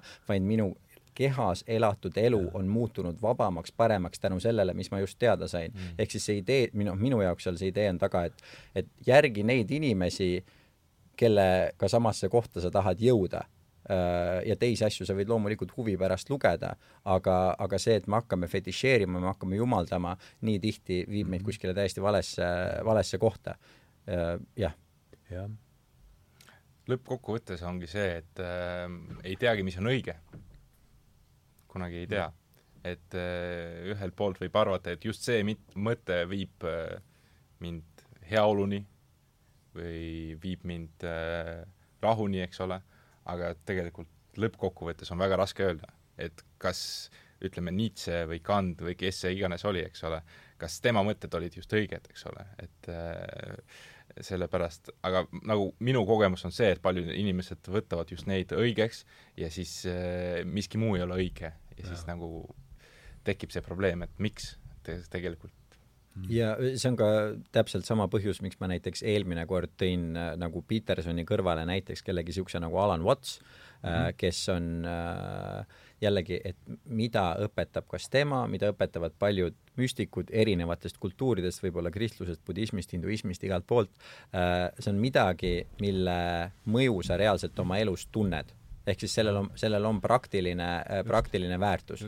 aga hästi suur osa filosoofiast, eks ole, mis on lihtsalt teadmiste armastamine, on, eks ole, see, mida, mida filosoofia tähendab äh,, siis see on, see ongi kõik, mis sa saad, sa saad erinevaid teadmisi, mida sa armastad. kuiv akadeemiline just, jauramine. just, eks ole, ja siis, ja siis, ja siis vaie-, ja siis vaielda, eks ole, eks sul on siin ka ju laua taga olnud neid inimesi, kes vaidlevad ühe või teise teadmise nagu kõrgema väärtuse üle, aga lõppude lõpuks see ju, mis meil elus, mis, mis loeb, mis on oluline, on see, et kuidas mina igapäevaselt elan, kuidas ma suhestun teiste inimestega, kuidas ma suhestun maailmaga, mitte mis mõttekonstruktsiooni ma teisest kõrgemaks pean. hulluks ennast ja teisi enda ümber, eks no, on need küsimused mm. -hmm. aga huvitav, sa tõid ida, sa tõid ida teema sisse, et teine lause, mis ma panin siit eile kirja sellest äh, Nietzsche saatest, et et süvapsühholoogia kuulutab, kujutab endast lääne tagasitulekut selle juurde, mida muu, mujal maailmas peetakse loomulikuks mm. -hmm, täpselt, ja mis see, oli siis Jung, Jung, see oli Jung see oli siis Jungi, eks ole, teene põhimõtteliselt mm,. ja siit Jungi kohta ka, mis on ühelt tema nii-öelda õpilaselt ja järglaselt äh, hea nagu äh, niisugune iseloomustus selle kohta, mida tänapäeval paljud inimesed jällegi, kes Jungi fännavad, proovivad teha, on see, et Jungil oli oma see individuatsiooniprotsess, eks ole, mis on, äh, kõik tänu mhm. temale teavad seda väljendit, et individuatsiooniprotsess, ja siis mis paljud inimesed mõtlevad, et aa, Jungi individuatsiooniprotsess oli selline, ma siis teen samu asju, mis Jung tegi ja see on minu individuatsiooniprotsess. aga kui sa teed samu asju, mida Jung tegi, siis sa lihtsalt järgned temale ja sa, sa ei individua-, individua-, individueerimisega, ma ei oska nüüd seda sõna õigesti öelda, individuation inglise keeles, siis sa ei tee seda mitte iseendale, vaid sa jällegi lihtsalt järgned kellelegi ja sinu enda see individuatsiooniprotsess jääb tegemata, sest sa jällegi lihtsalt käid kellegi teise elurada läbi mm., mitte iseenda elurada. Pommitan lihtsalt vahepeale, täiesti la-, lambi, mõni maal, mis tuleb esimesena pähe ma ei taha öelda Mona Lisa, sellepärast et lihtsalt äh, hiljuti oli lihtsalt see uudis, kui keegi äh, viskas midagi Mona Lisale ja oli küll, jah. peit, peit, peit, kook oli ja, ja siis see inimene peitis, nagu ta oleks vana proua kuskil ratastoolis, eks ole, ja siis äh, ahaa, mina ei ole vana proua, viskas sinna maali ja siis lihtsalt tuli sellepärast Mona Lisa, sellepärast et maal äh, aa, mul naine joonistas eile ühe, ühe mehe, kahjuks ei olnud väga minuga sarnane, aga, aga ühe mehe pildi, see väga meeldis mulle ja, ja tegelikult ma arvan jaa, et ja hästi meeldivad need maa, noh, maal ja joonistus on erinev asi, eks ole ähm,. mulle hästi meeldivad enda oma maalid. sa maalid ka või? Äh, ma joonistan nüüd, nagu see ongi see nagu maa, maalimine ja joonistamine on sarnased asjad, eks ole, et äh, ma äh, maalisin, kui ma olin väiksem, siis guašidega, siis rohkem praegu joonistan, eks ole, et jällegist väljendada mingi loomingulisust. et mitte igapäevaselt, aga jaa, see, see ongi asi, et mis ma olen mõelnud ka maalide peale, et äh, ma üritan saada kultuurseks inimeseks, eks ole, ma üritan käia kuskil fotograafikas, vaadata maale, eks ole, ja aru saada, et mis selle maali taga oli, eks ole, ja kas noh, see ongi väga erinev asi, eks ole, muusika, maal ja film. E, sest maal on täit-, noh, nagu fotograafia, eks ole, et see ei liigu, seal peab olema üks kindel emotsioon, eks ole et äh, näiteks mina mõtlen, et filmis on ju nii palju äh, liikuvaid kaadreid, täpselt, kõik koosneb maalidest, eks ole, et tegelikult seal nagu nii palju rohkem saab nagu sisse tuua ja nii palju lihtsam aru saada võib-olla sellele inimesele, kes ei ole just selle maali ajastuga seotud, eks ole, et seal peab teadma nagu neid, neid asju, eks ole. et äh, mis, mis olukorras oli see kunstnik täpselt sel ajal ja millest ta võib-olla mis, mis emotsioonid olid tal, eks ole, et, et seda ajalugu peab teadma, et, et, et, et kuidas ma ütlen, ehm, seda maali eh, mõju hinnata, et äh, aga ilma selleta on üsna raske ja siis äh, võib-olla lõplikult, kui ma mõtlen, et mingi maal jah, see meeldib mulle, võib-olla see on lahedad värvid, eks ole, aga tegelikult seal on palju suurem mõju, võib-olla see oli joonistatud mingi väga tähtsast äh, ähm, teost või mis oli tol ajal tehtud või väga tähtsast sündmusest, eks ole, mida mina, millest mina ei tea, eks ole, aga selle maali isegi nime järgi ei saa aru, millest see jutt käib, eks ole. Et siis äh, maalid on minu jaoks olnud alati sellised asjad, kus sa pead teadma ka eellugu, et sellest maalist aru saada ja tuleb kasuks igal juhul. Ku-, tu-, tuleb kasuks igal juhul, eks ole, et äh, enda selline mõistmine, ta ei ole nagu lõplik minu arust. ja jah ja,, mõtlengi, et enda maalides ma saan väga hästi aru, et kui ma võtan oma kaustiku ja ma tean, et seda ma joonistasin siis, kui mul olid sellised emotsioonid mm -hmm. ja siis äh, kuidagi retrospektiivis mõelda, mul olid sellised tunded ja nüüd sellise asja ma joonistasin, eks ole, ja nüüd mõelda, kui niisugune inimene ma olen nüüd, et siis on hea vaadata, et see on nagu enda biograafia joonistuses, eks ole -hmm. võib ka niimoodi öelda, et äh, aga jällegist äh, mul, kuidas ma ütlen, Hardo, ühte või kolme asja parimat mul, ma see ei too välja.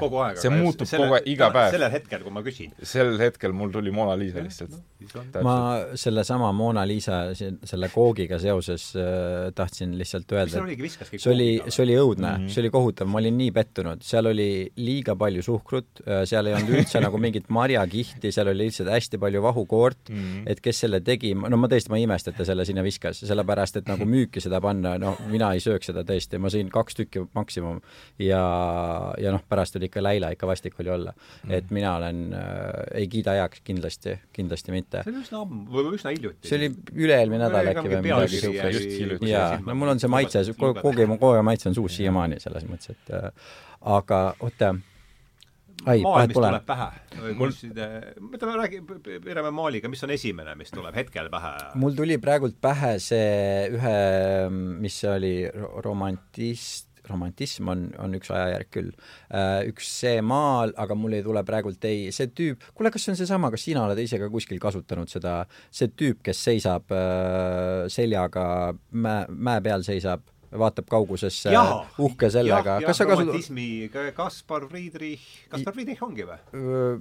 äkki, ma ei ole, ma ei ole sada protsenti kindel, ma olen selles mõttes, et ma olen, mina olen väga lihtne ja labane inimene jällegi, et mulle, mulle meeldivad asjad, mis silmale pakuvad ilu äh, ja milles loodetavasti on ka mingisugust nagu äh, sügavust, aga et see on, mingisugused noh, sarnased tööd on need, mis mulle visuaalselt kõige, kõige rohkem niisugust tunnetuslikku ilu pakuvad. ja teine asi, mis mulle tuli kohe pähe, on Alex Gray loomulikult. Alex Gray? jaa Äh, see, kes on see kõige kuulsam psühhedeelse kunsti äh, tegija kes neid psühhedeelseid äh, see on siis see?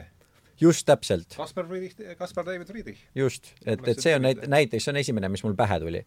Der Wanderer über dem Nebelmeer. jah, täpselt. rändaja udumere kohal. See on jah. mul tuli lihtsalt äh, järsku ette tegelikult äh, noh, kunstis, ma ei ole kunstiinimene, ütleme niimoodi, aga äh, Mm, Dali oh jah, mhm. no me, Kaie on sellest suurest suur Dali fänn. ja, ja siis äh, kuidas äh, maali nimi ma ei tea, aga see kell voolab voolavad kellad, jah. voolavad mm -hmm. kellad, eks ja, ole. Mm -hmm. ja, ja see, ma arvan, et see oli just see ähm, ütleme äh, maal, mis tegelikult Ger ma nimetaks iga päev äh, minu lemmikuks maaliks, et see oli gerontofiilidele see, see lause tähendab midagi hoopis muud vabandust, see on minu must huumor, ärge kuulake mind. praegu läks minu mulle... räpane, räp-, minu räpane meel, ärge no kuulake mind. no nii.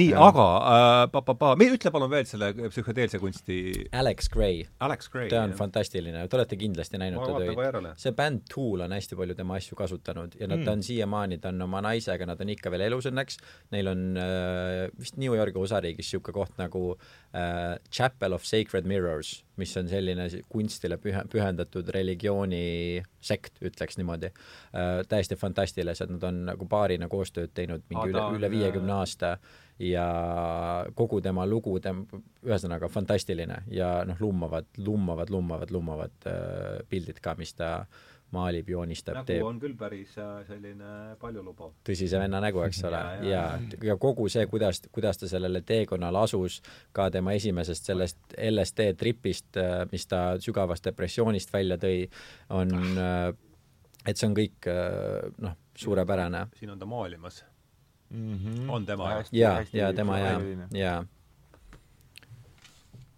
siin ta on. siin aga see huvitav näha, see, aitäh sulle! jaa, aga ma tahtsin eelmise teema kohta veel korraks äh, öelda seda, et äh, ka kõik mingisugune kriitika, mis ma ükskõik kelle pihta nagu ütlen või mingi mõtteviisi pihta, ma tunnistan seda, et ma olen ise kõikides nendes asjades süüdi ja ka ainuke põhjus, miks ma midagi kritiseerin, on sellepärast, et ma näen iseendas mingisuguseid tendentse ja mulle ei meeldi see ja siis ma kritiseerin seda ka väljaspool. aga selle filosoofiaga ja filosoofide armastamise ülistamise kõige sellega seoses jällegi, see ei ole kindlasti minu mõte, sest ma pidin seda kuskilt mujalt kuulma äh,. aga mis minuga kohe ära ühendus, on see, et on väga palju inimesi, kes peavad ennast kuidagi kas ähm, äh, kõrgemaks lihtsalt sellisest labasest materjali, materialismist ja asjade kogumisest ja, äh, ja nii edasi ja kes, kes suudavad viltu vaadata sellele, et keegi lihtsalt äh, ostab endale uusi maju ja autosid ja, ja proovib no just täpselt need noh, fantastilised, fantastilised tööd.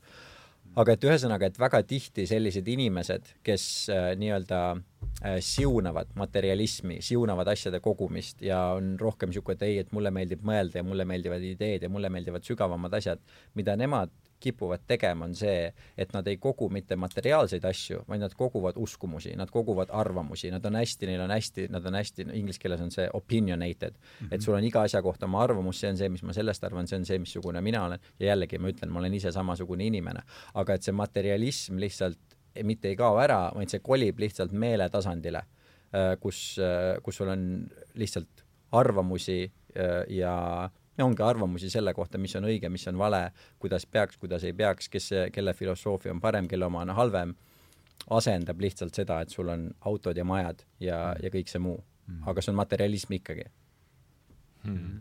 ehk see tantsi, ego, ego tantsitab sind äh, Just. ja ega me tema nüüride mm. otsast mm. neljalt ilmselt ei pääse, pääse keegi vist. aga küsime, mis muusikat kuulate viimasel oh. ajal?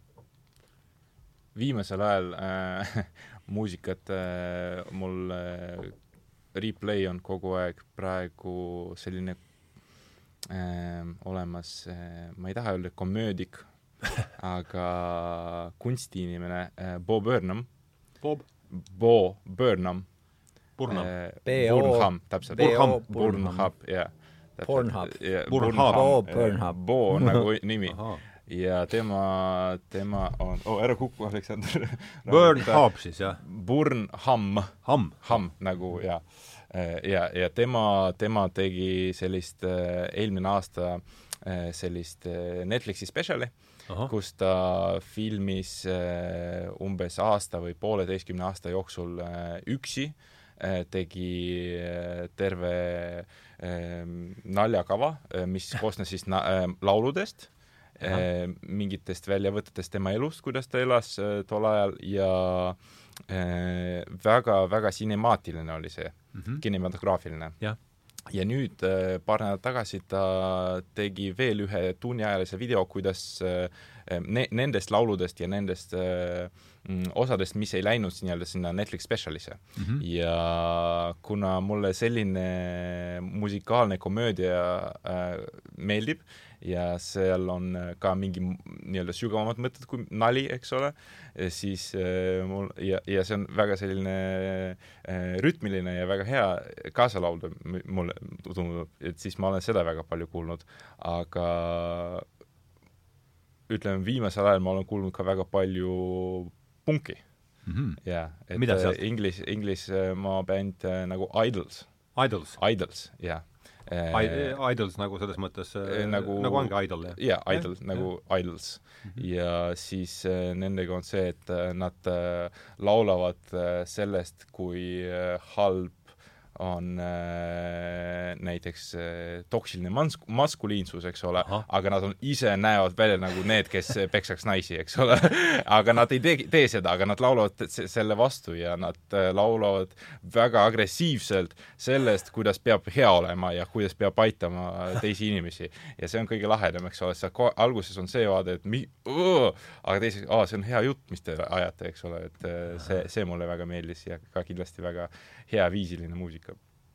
Et äh, Aleksander, mis sul mm? -hmm. Uh, mina muusikat üldse ei salli, ma olen Aha. rohkem niisugune värvide ja numbrite inimene, ma teen nalja uh,. ma arvan, ma arvan, midagi minus ütles ei, mul on kogu aeg kõrvaklapid peas uh,. jaa, ma kuulan praktiliselt kõike, ma kasvasin üles seitsmekümnendate, kaheksakümnendate heavy metaliga, Briti heavy metaliga mm Äh, ja see on mul nagu kõige võib-olla hingelähedasem muusika, aga sealt mis seal on sellised tähtsamad Judas nimed? Priest, Iron Maiden, Black Sabbath äh,, Motorheadid, King Diamond, ma proovin minna Kreekas äh, Judas Priest oli just praegu. ja ma tean, ma tean, aga mul oli, aga mul olid juba teised, teised Aa. plaanid, aga ma proovin, kuna nad Euroopa tuurist ma proovin Judas Priest, Iron Maiden, midagi veel, mis seal oli? Black Sabbath, Motorhead, King jah, Diamond äh,, issand, kui mul tuleb, ühesõnaga neid no, võib, mul võib turust veel, veel tulla et ma kasvasin sellise muusikaga üles, vanemad kuulasid seda, ise kuulasin seda, aga noh, tänapäeval ma kuulan kõike nagu tehnot, house'i, igasugust elektroonilist muusikat, aga ka täiesti klassikalist muusikat kuulan.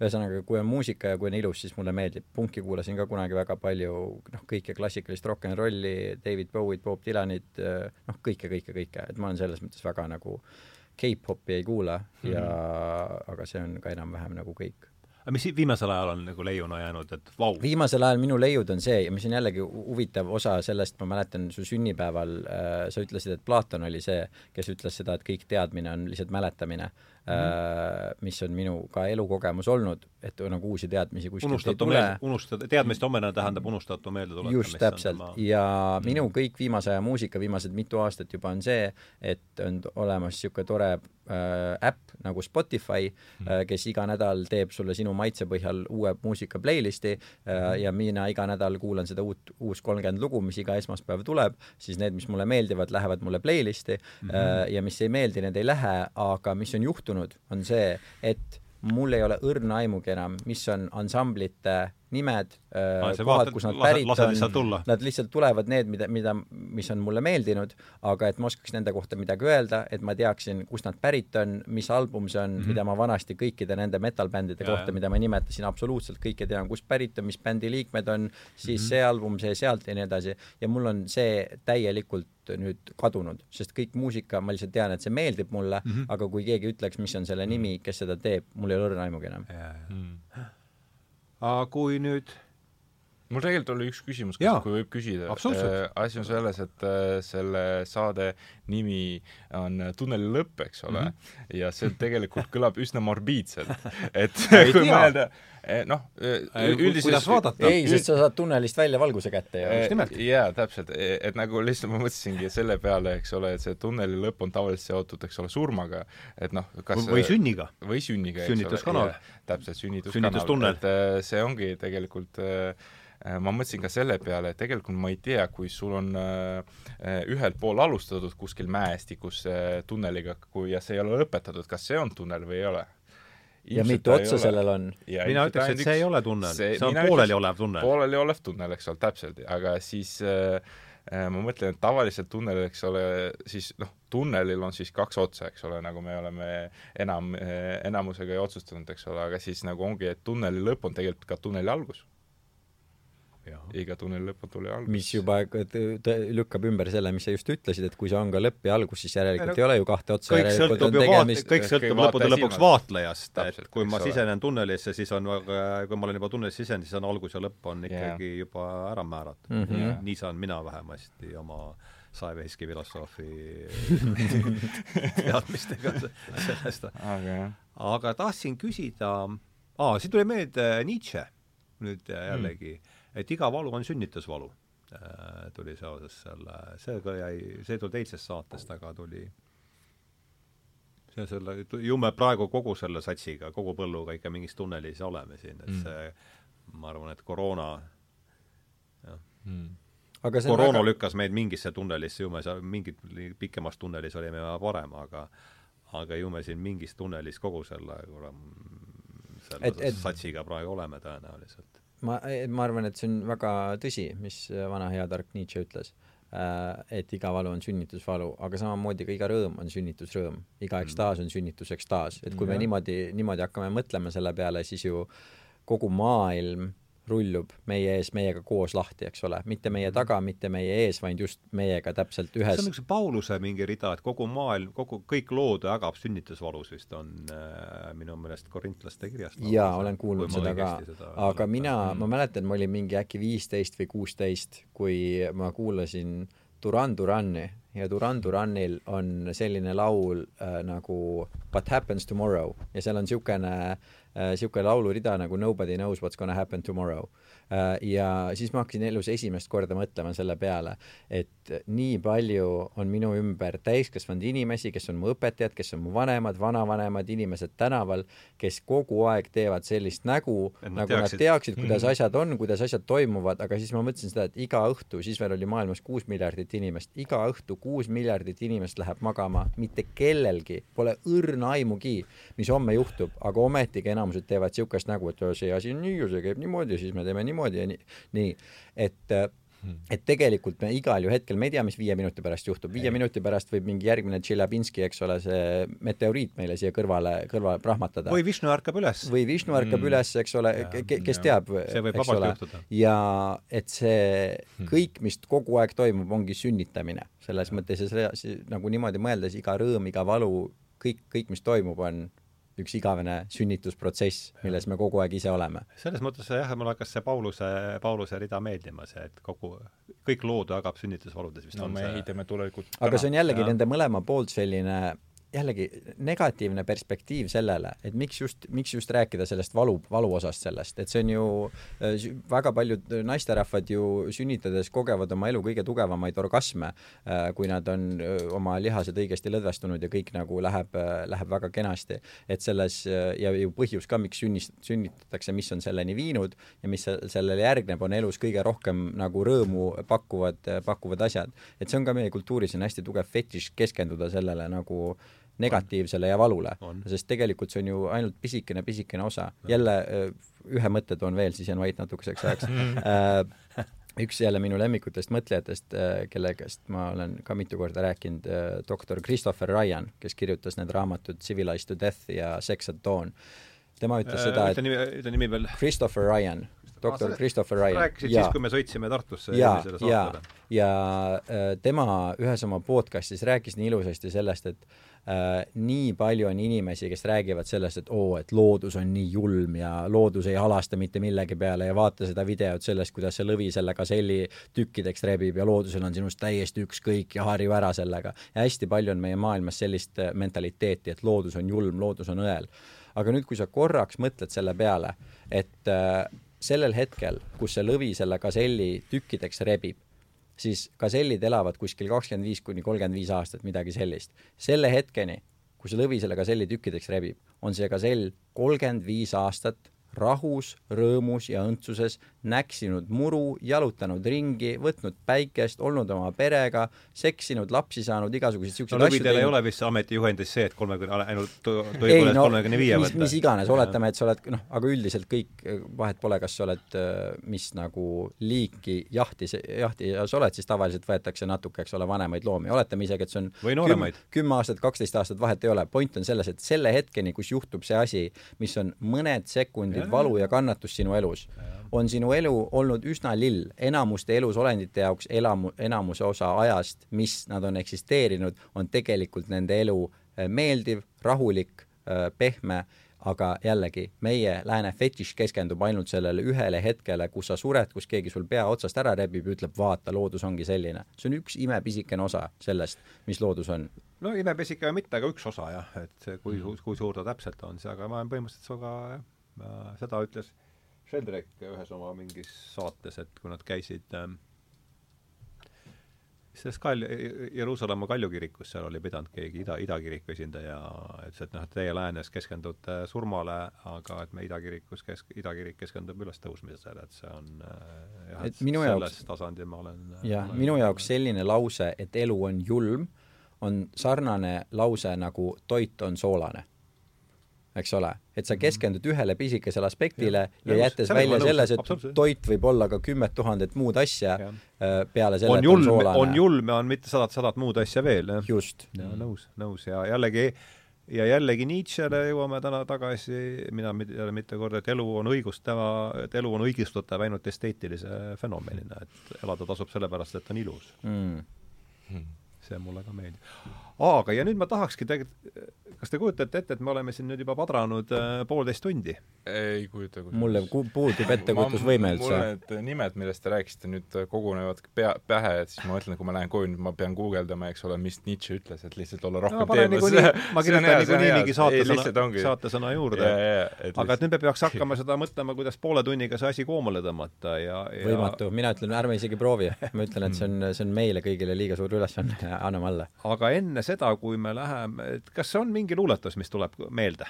Oo, jaa. luuletus Artur Alliksaar äh, luuletuse nime ma ei oska öelda, äkki, ei, Päiksepille on selle kogu nimi, äh, aga minu lemmikluuletus ja ma tean, et see on väga labane ja klišeeline, et Artur Alliksaar, aga mulle Artur Alliksaar väga Alliksaar meeldib. on ju suur luuletaja. jaa, ma tean, aga tänapäeval seda peetakse, aa, sulle meeldib Alliksaar, tõesti, vau.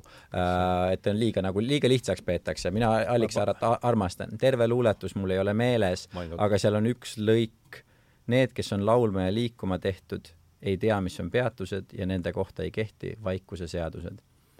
Nende kohta mm., võtame uuesti.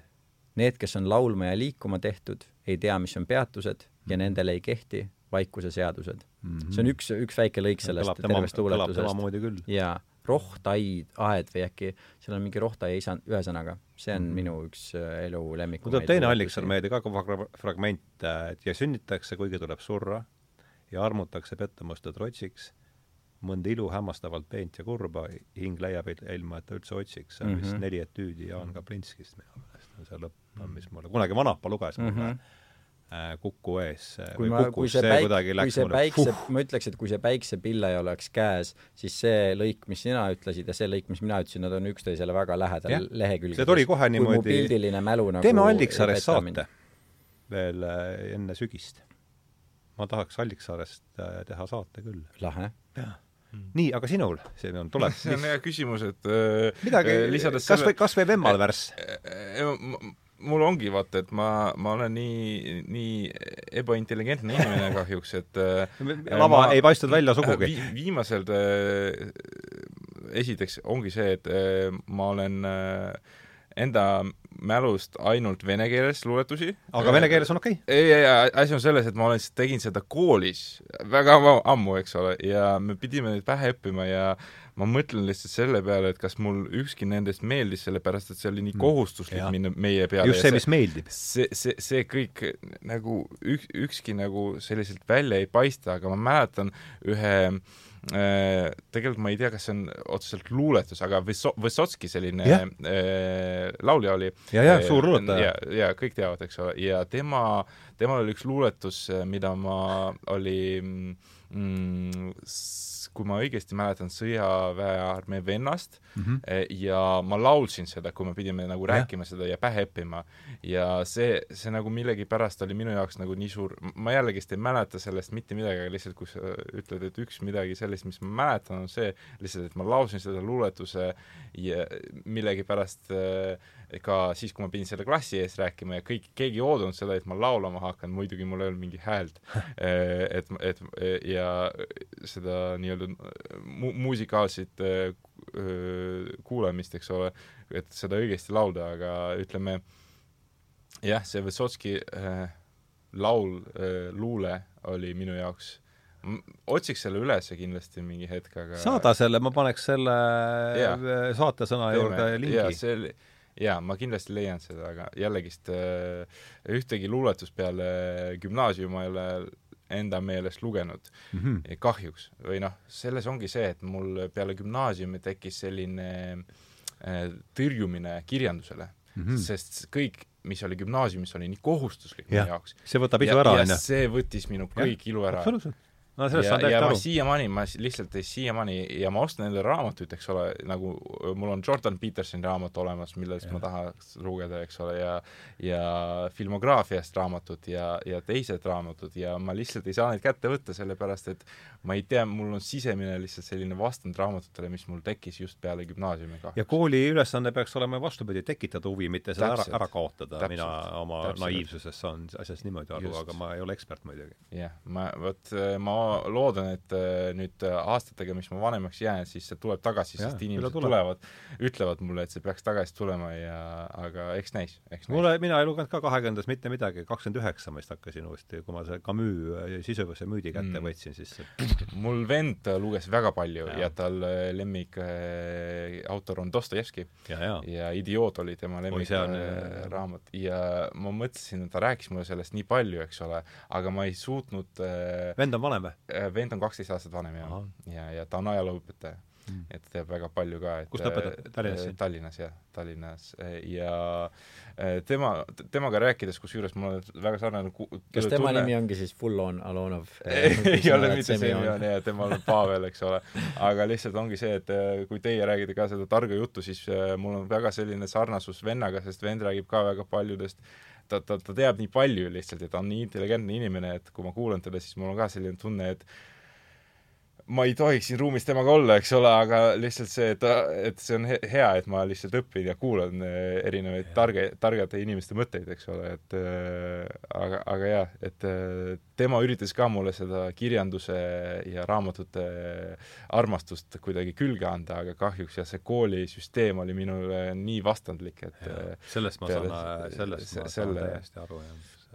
jah, ei ole midagi lugenud mul vahe, korraks segan lihtsalt vahele, mul tuli meelde selle Alliksaare sama luuletuse viimased laused, mis olid midagi niisugust, et me rõõmust ja kisast ja kärast ei jõua veel jahtuda, kui kohal on rohtaja isand ja palub meil lahkuda oh,.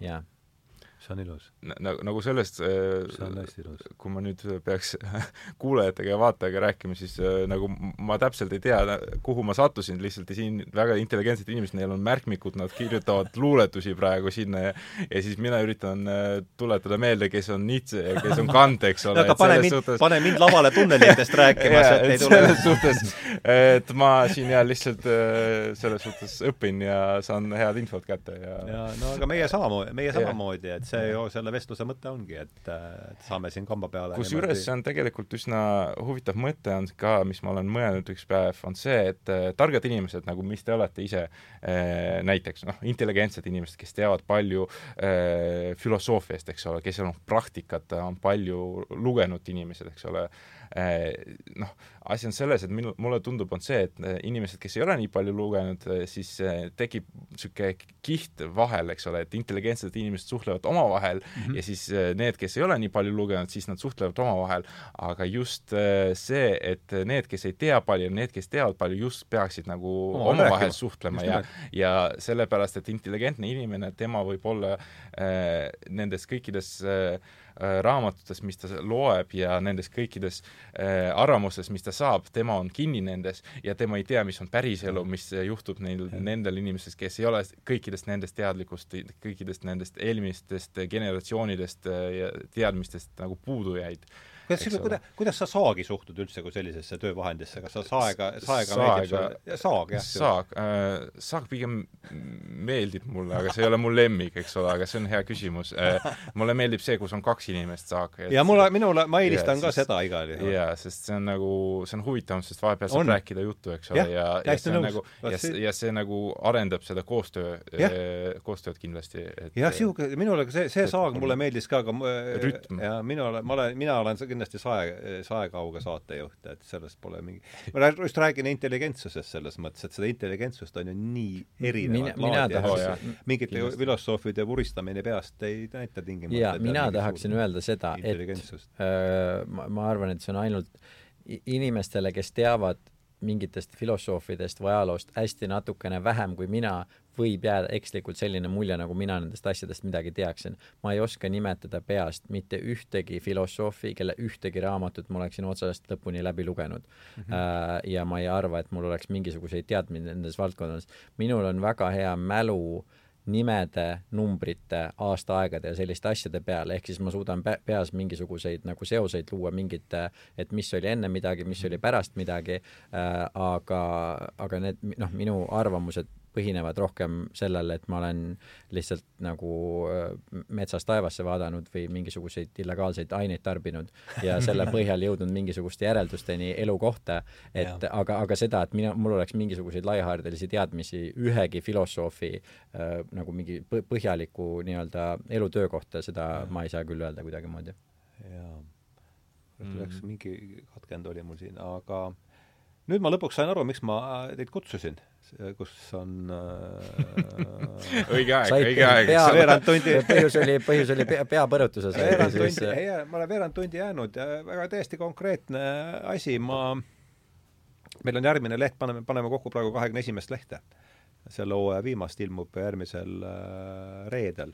ja teemaks on, mis on ilu mm.. iga kord on võtmeteema, et mm., et mis on ilu siis ma olen lugu endal pooleli. oo oh, vau wow,, ma armastan aga, seda küsimust äh,. et äh, kuulaks hea meelega, me oleme nüüd seda siin luule ja, ja, ja, ja arhitektuuri ja, ja igalt mm -hmm. poolt äh, adronite tasandil sellele küsimusele lähenenud, nüüd on aeg saada ammendav vastus no,. et mul on vaja lõpuks kirjutada valmis lugu. kõige tüüpilisem on kindlasti see, et ilu on vaataja silmes, eks ja, ole. see käib, mõte on ka, käib ühest pealkirjast läbi. ma arvan, et see peakski püsima sellepärast, et äh, ei ole võimalik defineerida midagi sellist. ilu on see pood, mis on ülemistes, eks ole äh,. ma, ma, ma, ma sõnastan oma küsimuse ümber, mis ja. on sinu jaoks ilu?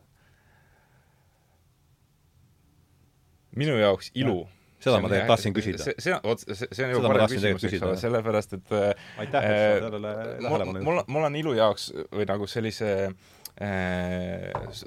tüüpi suhtumise jaoks on selline vastus olemas, eks ole, et inimesed üritavad endale teha paremaks, eks ole, äh, käivad seal barbershopis, teevad kahekümne viie euri eest soengut, et näe, ilus välja, aga nagu ma ütlen, et milleks, eks ole, sa oled piisavalt hea inimene, et sa ei pea seda tegema.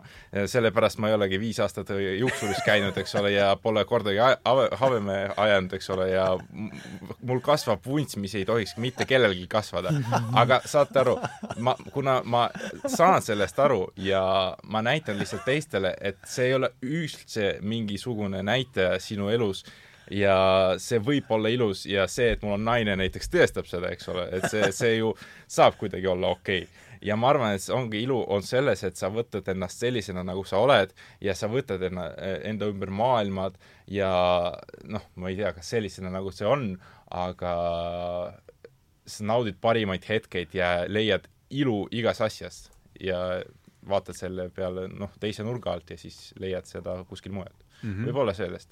aga ma, noh, ongi, ma, ma, mulle ei meeldi see, et inimesed ütlevad, et see on ilus ja see on, see ei ole ilus, et äh, see on täiesti subjektiivne ja sellel ei, sellel ei ole tähtsust nagu, et kas see on ilus või ei ole mm. -hmm. et see on kahjuks on ka küll see, et äh, väga paljud inimesed üritavad jõuda kas mm, äh, iluoperatsioonidega, meikidega äh, Äh, lahedate soengutega, riietega, et riided ei tee sind ilusaks, eks ole, või nagu see on kõik nii teistjärguline minu jaoks, et et ma arvan, just loeb see, et milline inimene sa oled, eks ole, et kuidas sa räägid ja et see on ilu mm. -hmm. Uh, mina tahaks esimese asjana öelda seda, et kõik, mis Semjon just ütles, oli väga ilus uh, ma olen sellega mingi nurga pealt nõus Äh, ja mingi nurga pealt nagu ilmselgelt iga inimene, kes mind näeb, mina olen äärmiselt edev inimene, ma olen väga mhm. pealiskaudne inimene, minu jaoks minu välimus on nagu viie, kuue, seitsmeaastasest saadik olnud üli, ma käisin lasteaias niimoodi, et mul oli kamm niimoodi, et ma lasteaias enne lasteaeda minemist kammisin ennast ühele poole, teisele poole. Ja, ja nii, et ühesõnaga ma olen äh, ja ma täiesti faktiliselt tean seda, et mina olen terve elu oma välimusest hoolinud rohkem kui ükski naisterahvas, kellega ma olen oma elus aega veetnud, on ho nagu hoolinud minu välimusest selles mõttes mm. -hmm. et see ilmselgelt ei ole nii tähtis, nagu inimesed võivad arvata, aga ma saan aru ka, et ma meesterahvaste seas olen tugev erand, äh, kes sellistest asjadest nii tugevalt hoolib. kaks äh, asja, mis ma tahan öelda ilu kohta. minu jaoks, mida ilu tähendab, on see, ilu see ja miks me ka ütleme seda, et ilu on vaataja silmades, on sellepärast, et meie silmad, eks ole, ja pärast seda aju on see, mis tõlgendab mingit asja ilusana või mitte. ja see, mida meie tõlgendame ilusana, on äh, kui head asjad saavad olla äh,, kui nagu vähe väheste vigadega või väheste probleemidega saab mingi asi eksisteerida. ja täpselt samamoodi nagu asjade välimuses äh, on see ka selles, mida Semjon just ütles, et missugune sa inim-, inimesena oled, kuidas sa suhtud minuga, kuidas sa räägid äh,, noh, tähtsamad nii-öelda sügavamad asjad, mis ei ole pinnapealsed. aga mida tähendab minu jaoks ilu äh, ja miks ka me looduses ilu, ilu näeme, on just sellepärast, et see, mida me tõlgendame ilusana, on asi, milles on võimalikult vähe nii-öelda äh, ebavajalikke ebakorrapärasusi, ehk mingi, kui me vaatame ka mhm. taime, lille, mingit asja, siis ta on nii-öelda kõige perfektsemal viisil kasvanud selliseks, nagu ta on. kindlasti kõik inimesed, kes Tallinnas on elanud, on ühel või teisel päeval näinud äh, põrandal või nagu tänaval jalutamas tuvi, kellel on mingisugune jalakasvaja või mingisugune niisugune asi, eks ole, kes nagu mingi lonkab või midagi sellist. ja põhjus, miks me selliseid asju nii ruttu näeme, miks me niisuguseid asju tähele paneme, miks see tekitab meis ebamugavustunnet, on sellepärast, et ilu on märk tervisest, ilu on märk sellest, et asjad äh, nii-öelda kulgevad, voolavad äh, õiges suunas. ja, ja kuna visuaalsed asjad on asjad, kus me seda esimesena märkame ja eelkõige äh, me oleme visuaalsed loomad, kõige suurem osa meie aju tegevusest ku-, kulub visuaalsuse nii-öelda tõlgendamiseks, siis see on ka see põhjus, miks väga paljud inimesed kukuvad sellesse auku, kus nad üleliia tähtsustavad välimist ilu, äh, et siis sellega põhimõtteliselt teisi inimesi ära petta. Ja on, eks ole, mõned linnud, kellega on tehtud neid uurimusi, kus äh, neil on kindla mingisuguse värvusega ja kujuga munad ja kui mingisuguseid osi seal metsikult palju võimendada, siis on võimalik teha niimoodi, et sa võtad a la mingisuguse golfipalli ja paned sinna golfipalli peale mingisugused äh, rohelised käsnad ja siis need linnud lükkavad oma päris munad pesast välja ja hakkavad neid golfipalle suurte roheliste käsnadega hauduma sellepärast et nende aju tõlgendab seda ilusana ja samamoodi mm. äh, kindla kontingendi inimesed, äh, kindla kontingendi meesterahvad võivad vaadata mingit naisterahvast,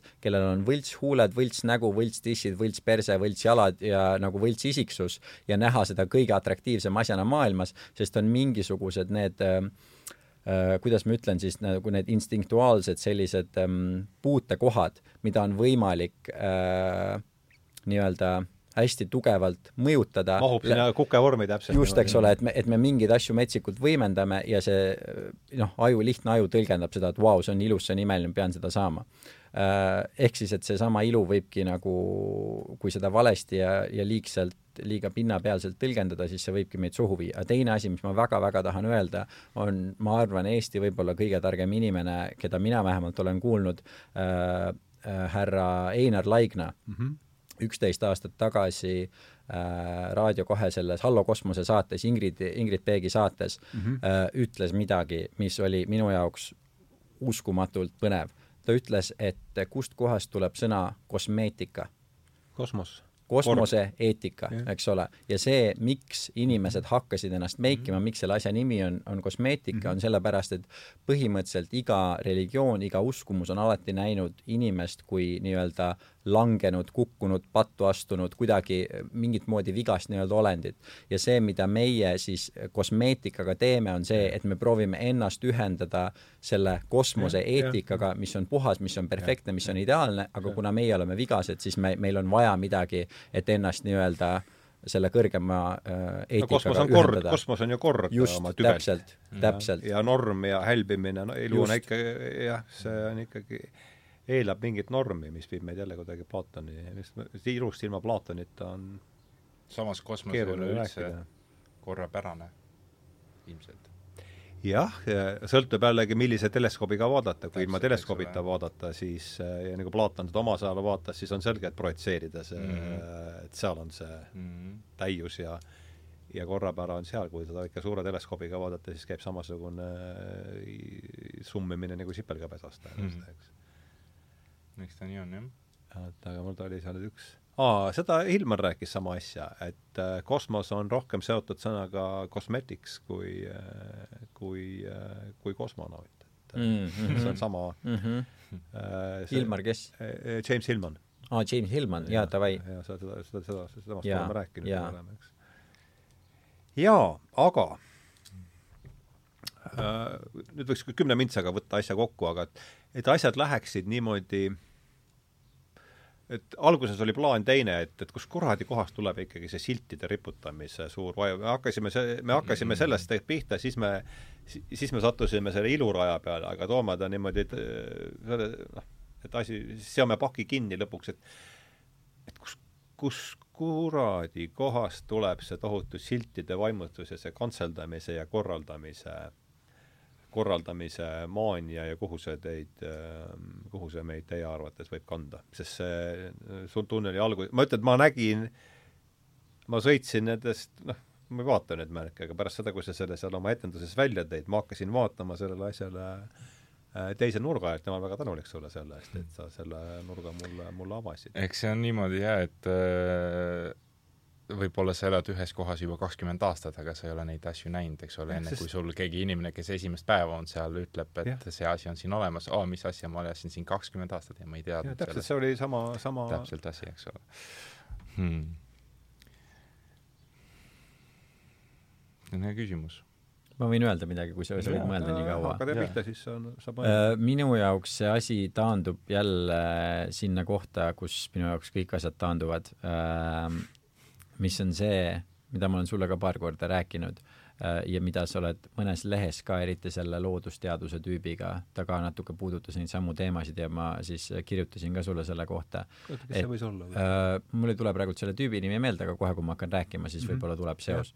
Äh, mis on see, et äh, sõnad on loitsud äh,. rääkimine, rääkimine, just, rääkimine on, rääkimine on võlumine inimesed on sümbolite kuidas ma ütlen, me näeme maailma läbi sümbolite, kõik, kuidas me maailma näeme, on ainult läbi äh, sümbolite, see on asi, mis ei ole enam nagu tõlgendamine, vaid see on äh, see on juba, see on nägemine. meelepõhjas on, on sümbolid. just, eks ole, et see on paratamatu, et me maailma niimoodi äh,, niimoodi näeme.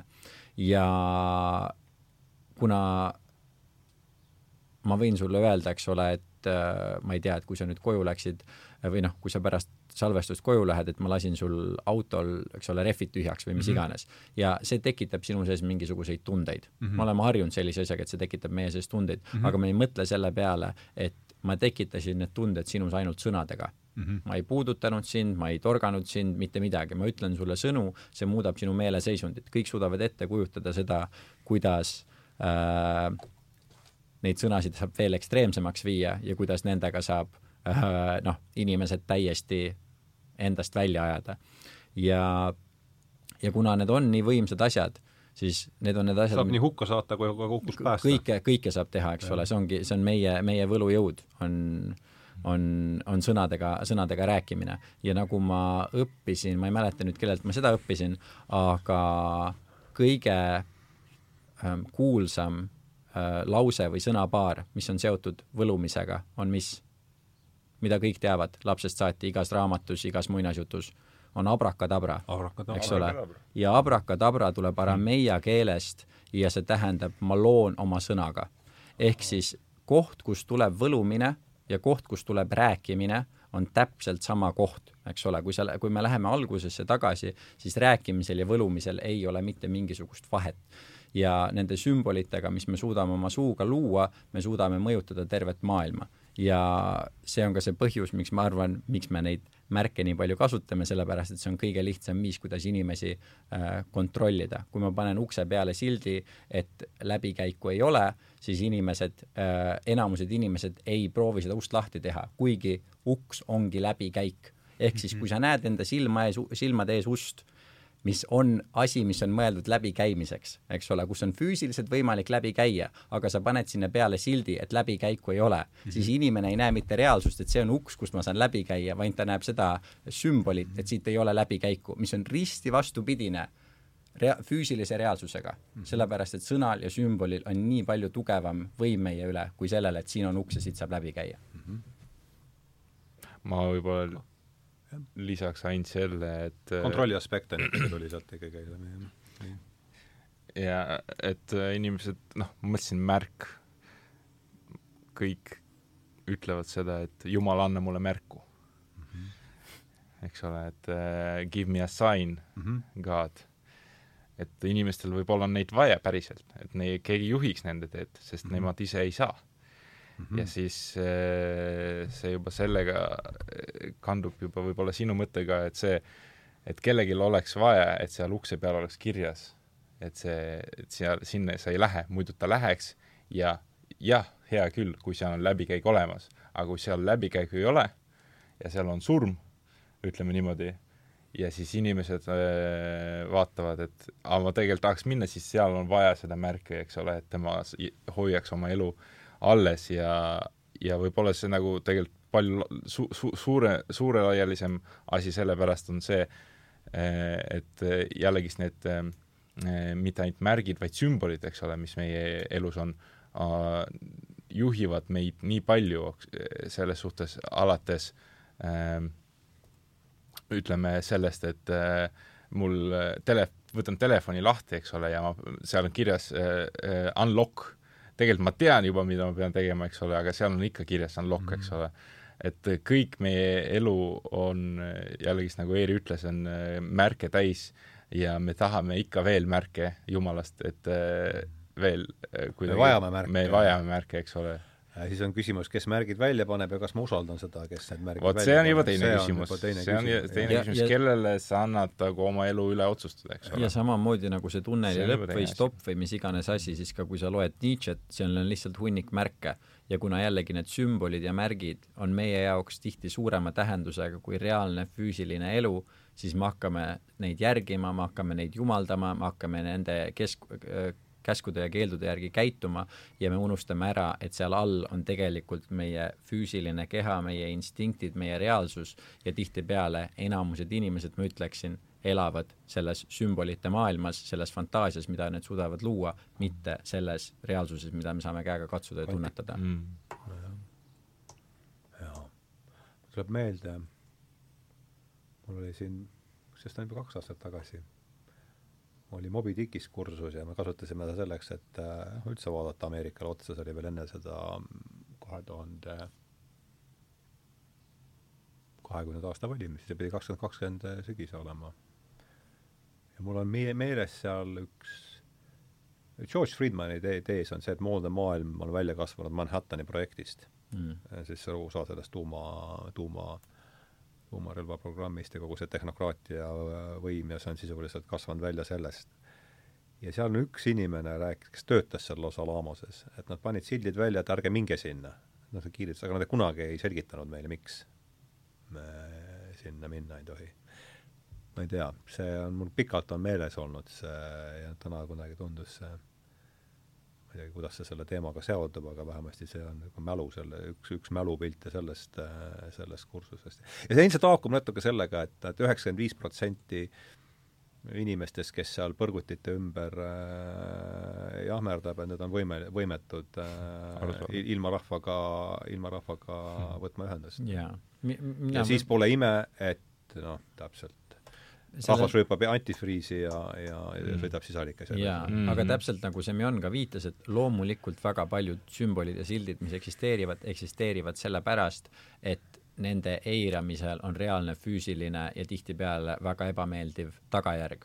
aga kuna see niimoodi on ja kuna me nii palju silte ja sümboleid saame usaldada, siis me unustame ära, et äh, võib-olla kümme, võib-olla viiskümmend või võib-olla üheksakümmend üheksa protsenti meie uskumustest ja meie kannatustest tulenevad mitte sellest, et kuskil sildi taga oleks reaalne oht, vaid sellepärast, et me usume, et seal on reaalne oht. Ja see hoiab meid, või noh, me oleme iseennast nende sümbolite sisse äh, vangi pannud. Mm.. või on reaalne oht see, et keegi meie julgeoleku pärast nii palju üldse muretseb, see tuletab meelde Petersoni seda, mida ta välja rääkis selle vendade Grimmide piparkoogimaja mm. -hmm. Lähed sinna piparkoodimajja ja sõi, ajad magusat kahe suupoolega sisse, kuni ühel hetkel vaatad, vau. ja see, kes selle piparkoogimaja ehitanud on mm, -hmm. täpselt nagu Duran Durani laulus ka, tal ei ole õrna aimugi, mis homme juhtub, aga mm -hmm. ometigi tema on otsustanud, et tema, tema, tema teab. tema teab, jah mm. -hmm. no vot, siis jõudsime, hakkasime pihta tunnelist ja jõudsime piparkoogimajja. eks äh, iga tunnel viib oma majja. jah, ja võib-olla see tunnel hmm. kus me oleme, ongi piparkoogimaja, nii et iga seda... piparkook on äh, osa, osa reaalsusest kuulge, aga nüüd on vist küll kaks tundi julgelt täis, et, et et ega me siin stopperiga aega ei mõõda, aga ma arvan, et on hea koht, kus tõmmata, kuidagi me saime ikkagi otsad, otsad kokku. ega me siin stopperiga aega ei mõõda, ütleb härra, kes just oma telefonilt stopperi aega vaatas ma ei vaadanud stopperit, see on stopperi funktsioon ka aga, aga jaa, et äh, mul oli suur tänu, et te tulite, leidsite aega, on ju muudki teha, kui ja, siin äh, istuda, et seda suurem aitäh, et äh, ei, ma nüüd lähen magama ja et mõttega, et peaks rohkem lugema vist või midagi, aga ei, selles no, suhtes selles, ega see ei ole ka äh, ju ei, põnev, põnev ikka rääkida. jah, põnev oli rääkida jah, et aitäh, Aleksander Eeri Laupmaa, aitäh, Semjon Olonov. suur aitäh, Hardo suur aitäh! ja suur aitäh Kaiele ka! ja, ja suur aitäh Kaiele puldis ja, ja suur aitäh äh, selle maja rahvale, kes on võimaldanud meil siin seda... väga, väga ilus. jah, on. maja on mm. korras ja remonditud ja, ja ilus ja hea on siin, hea on siin asju teha ja mm. ja Postimehe, tänu kellele on need lehed siin laual ja ja, ja suur, kõik, suur aitäh kõigile, kes te meid kuulate ja paneme siis äh, mikrofonid kinni ja tšauki tšau. Lähme lahku suuremate sõpradena, nagu enne olimegi. nägemist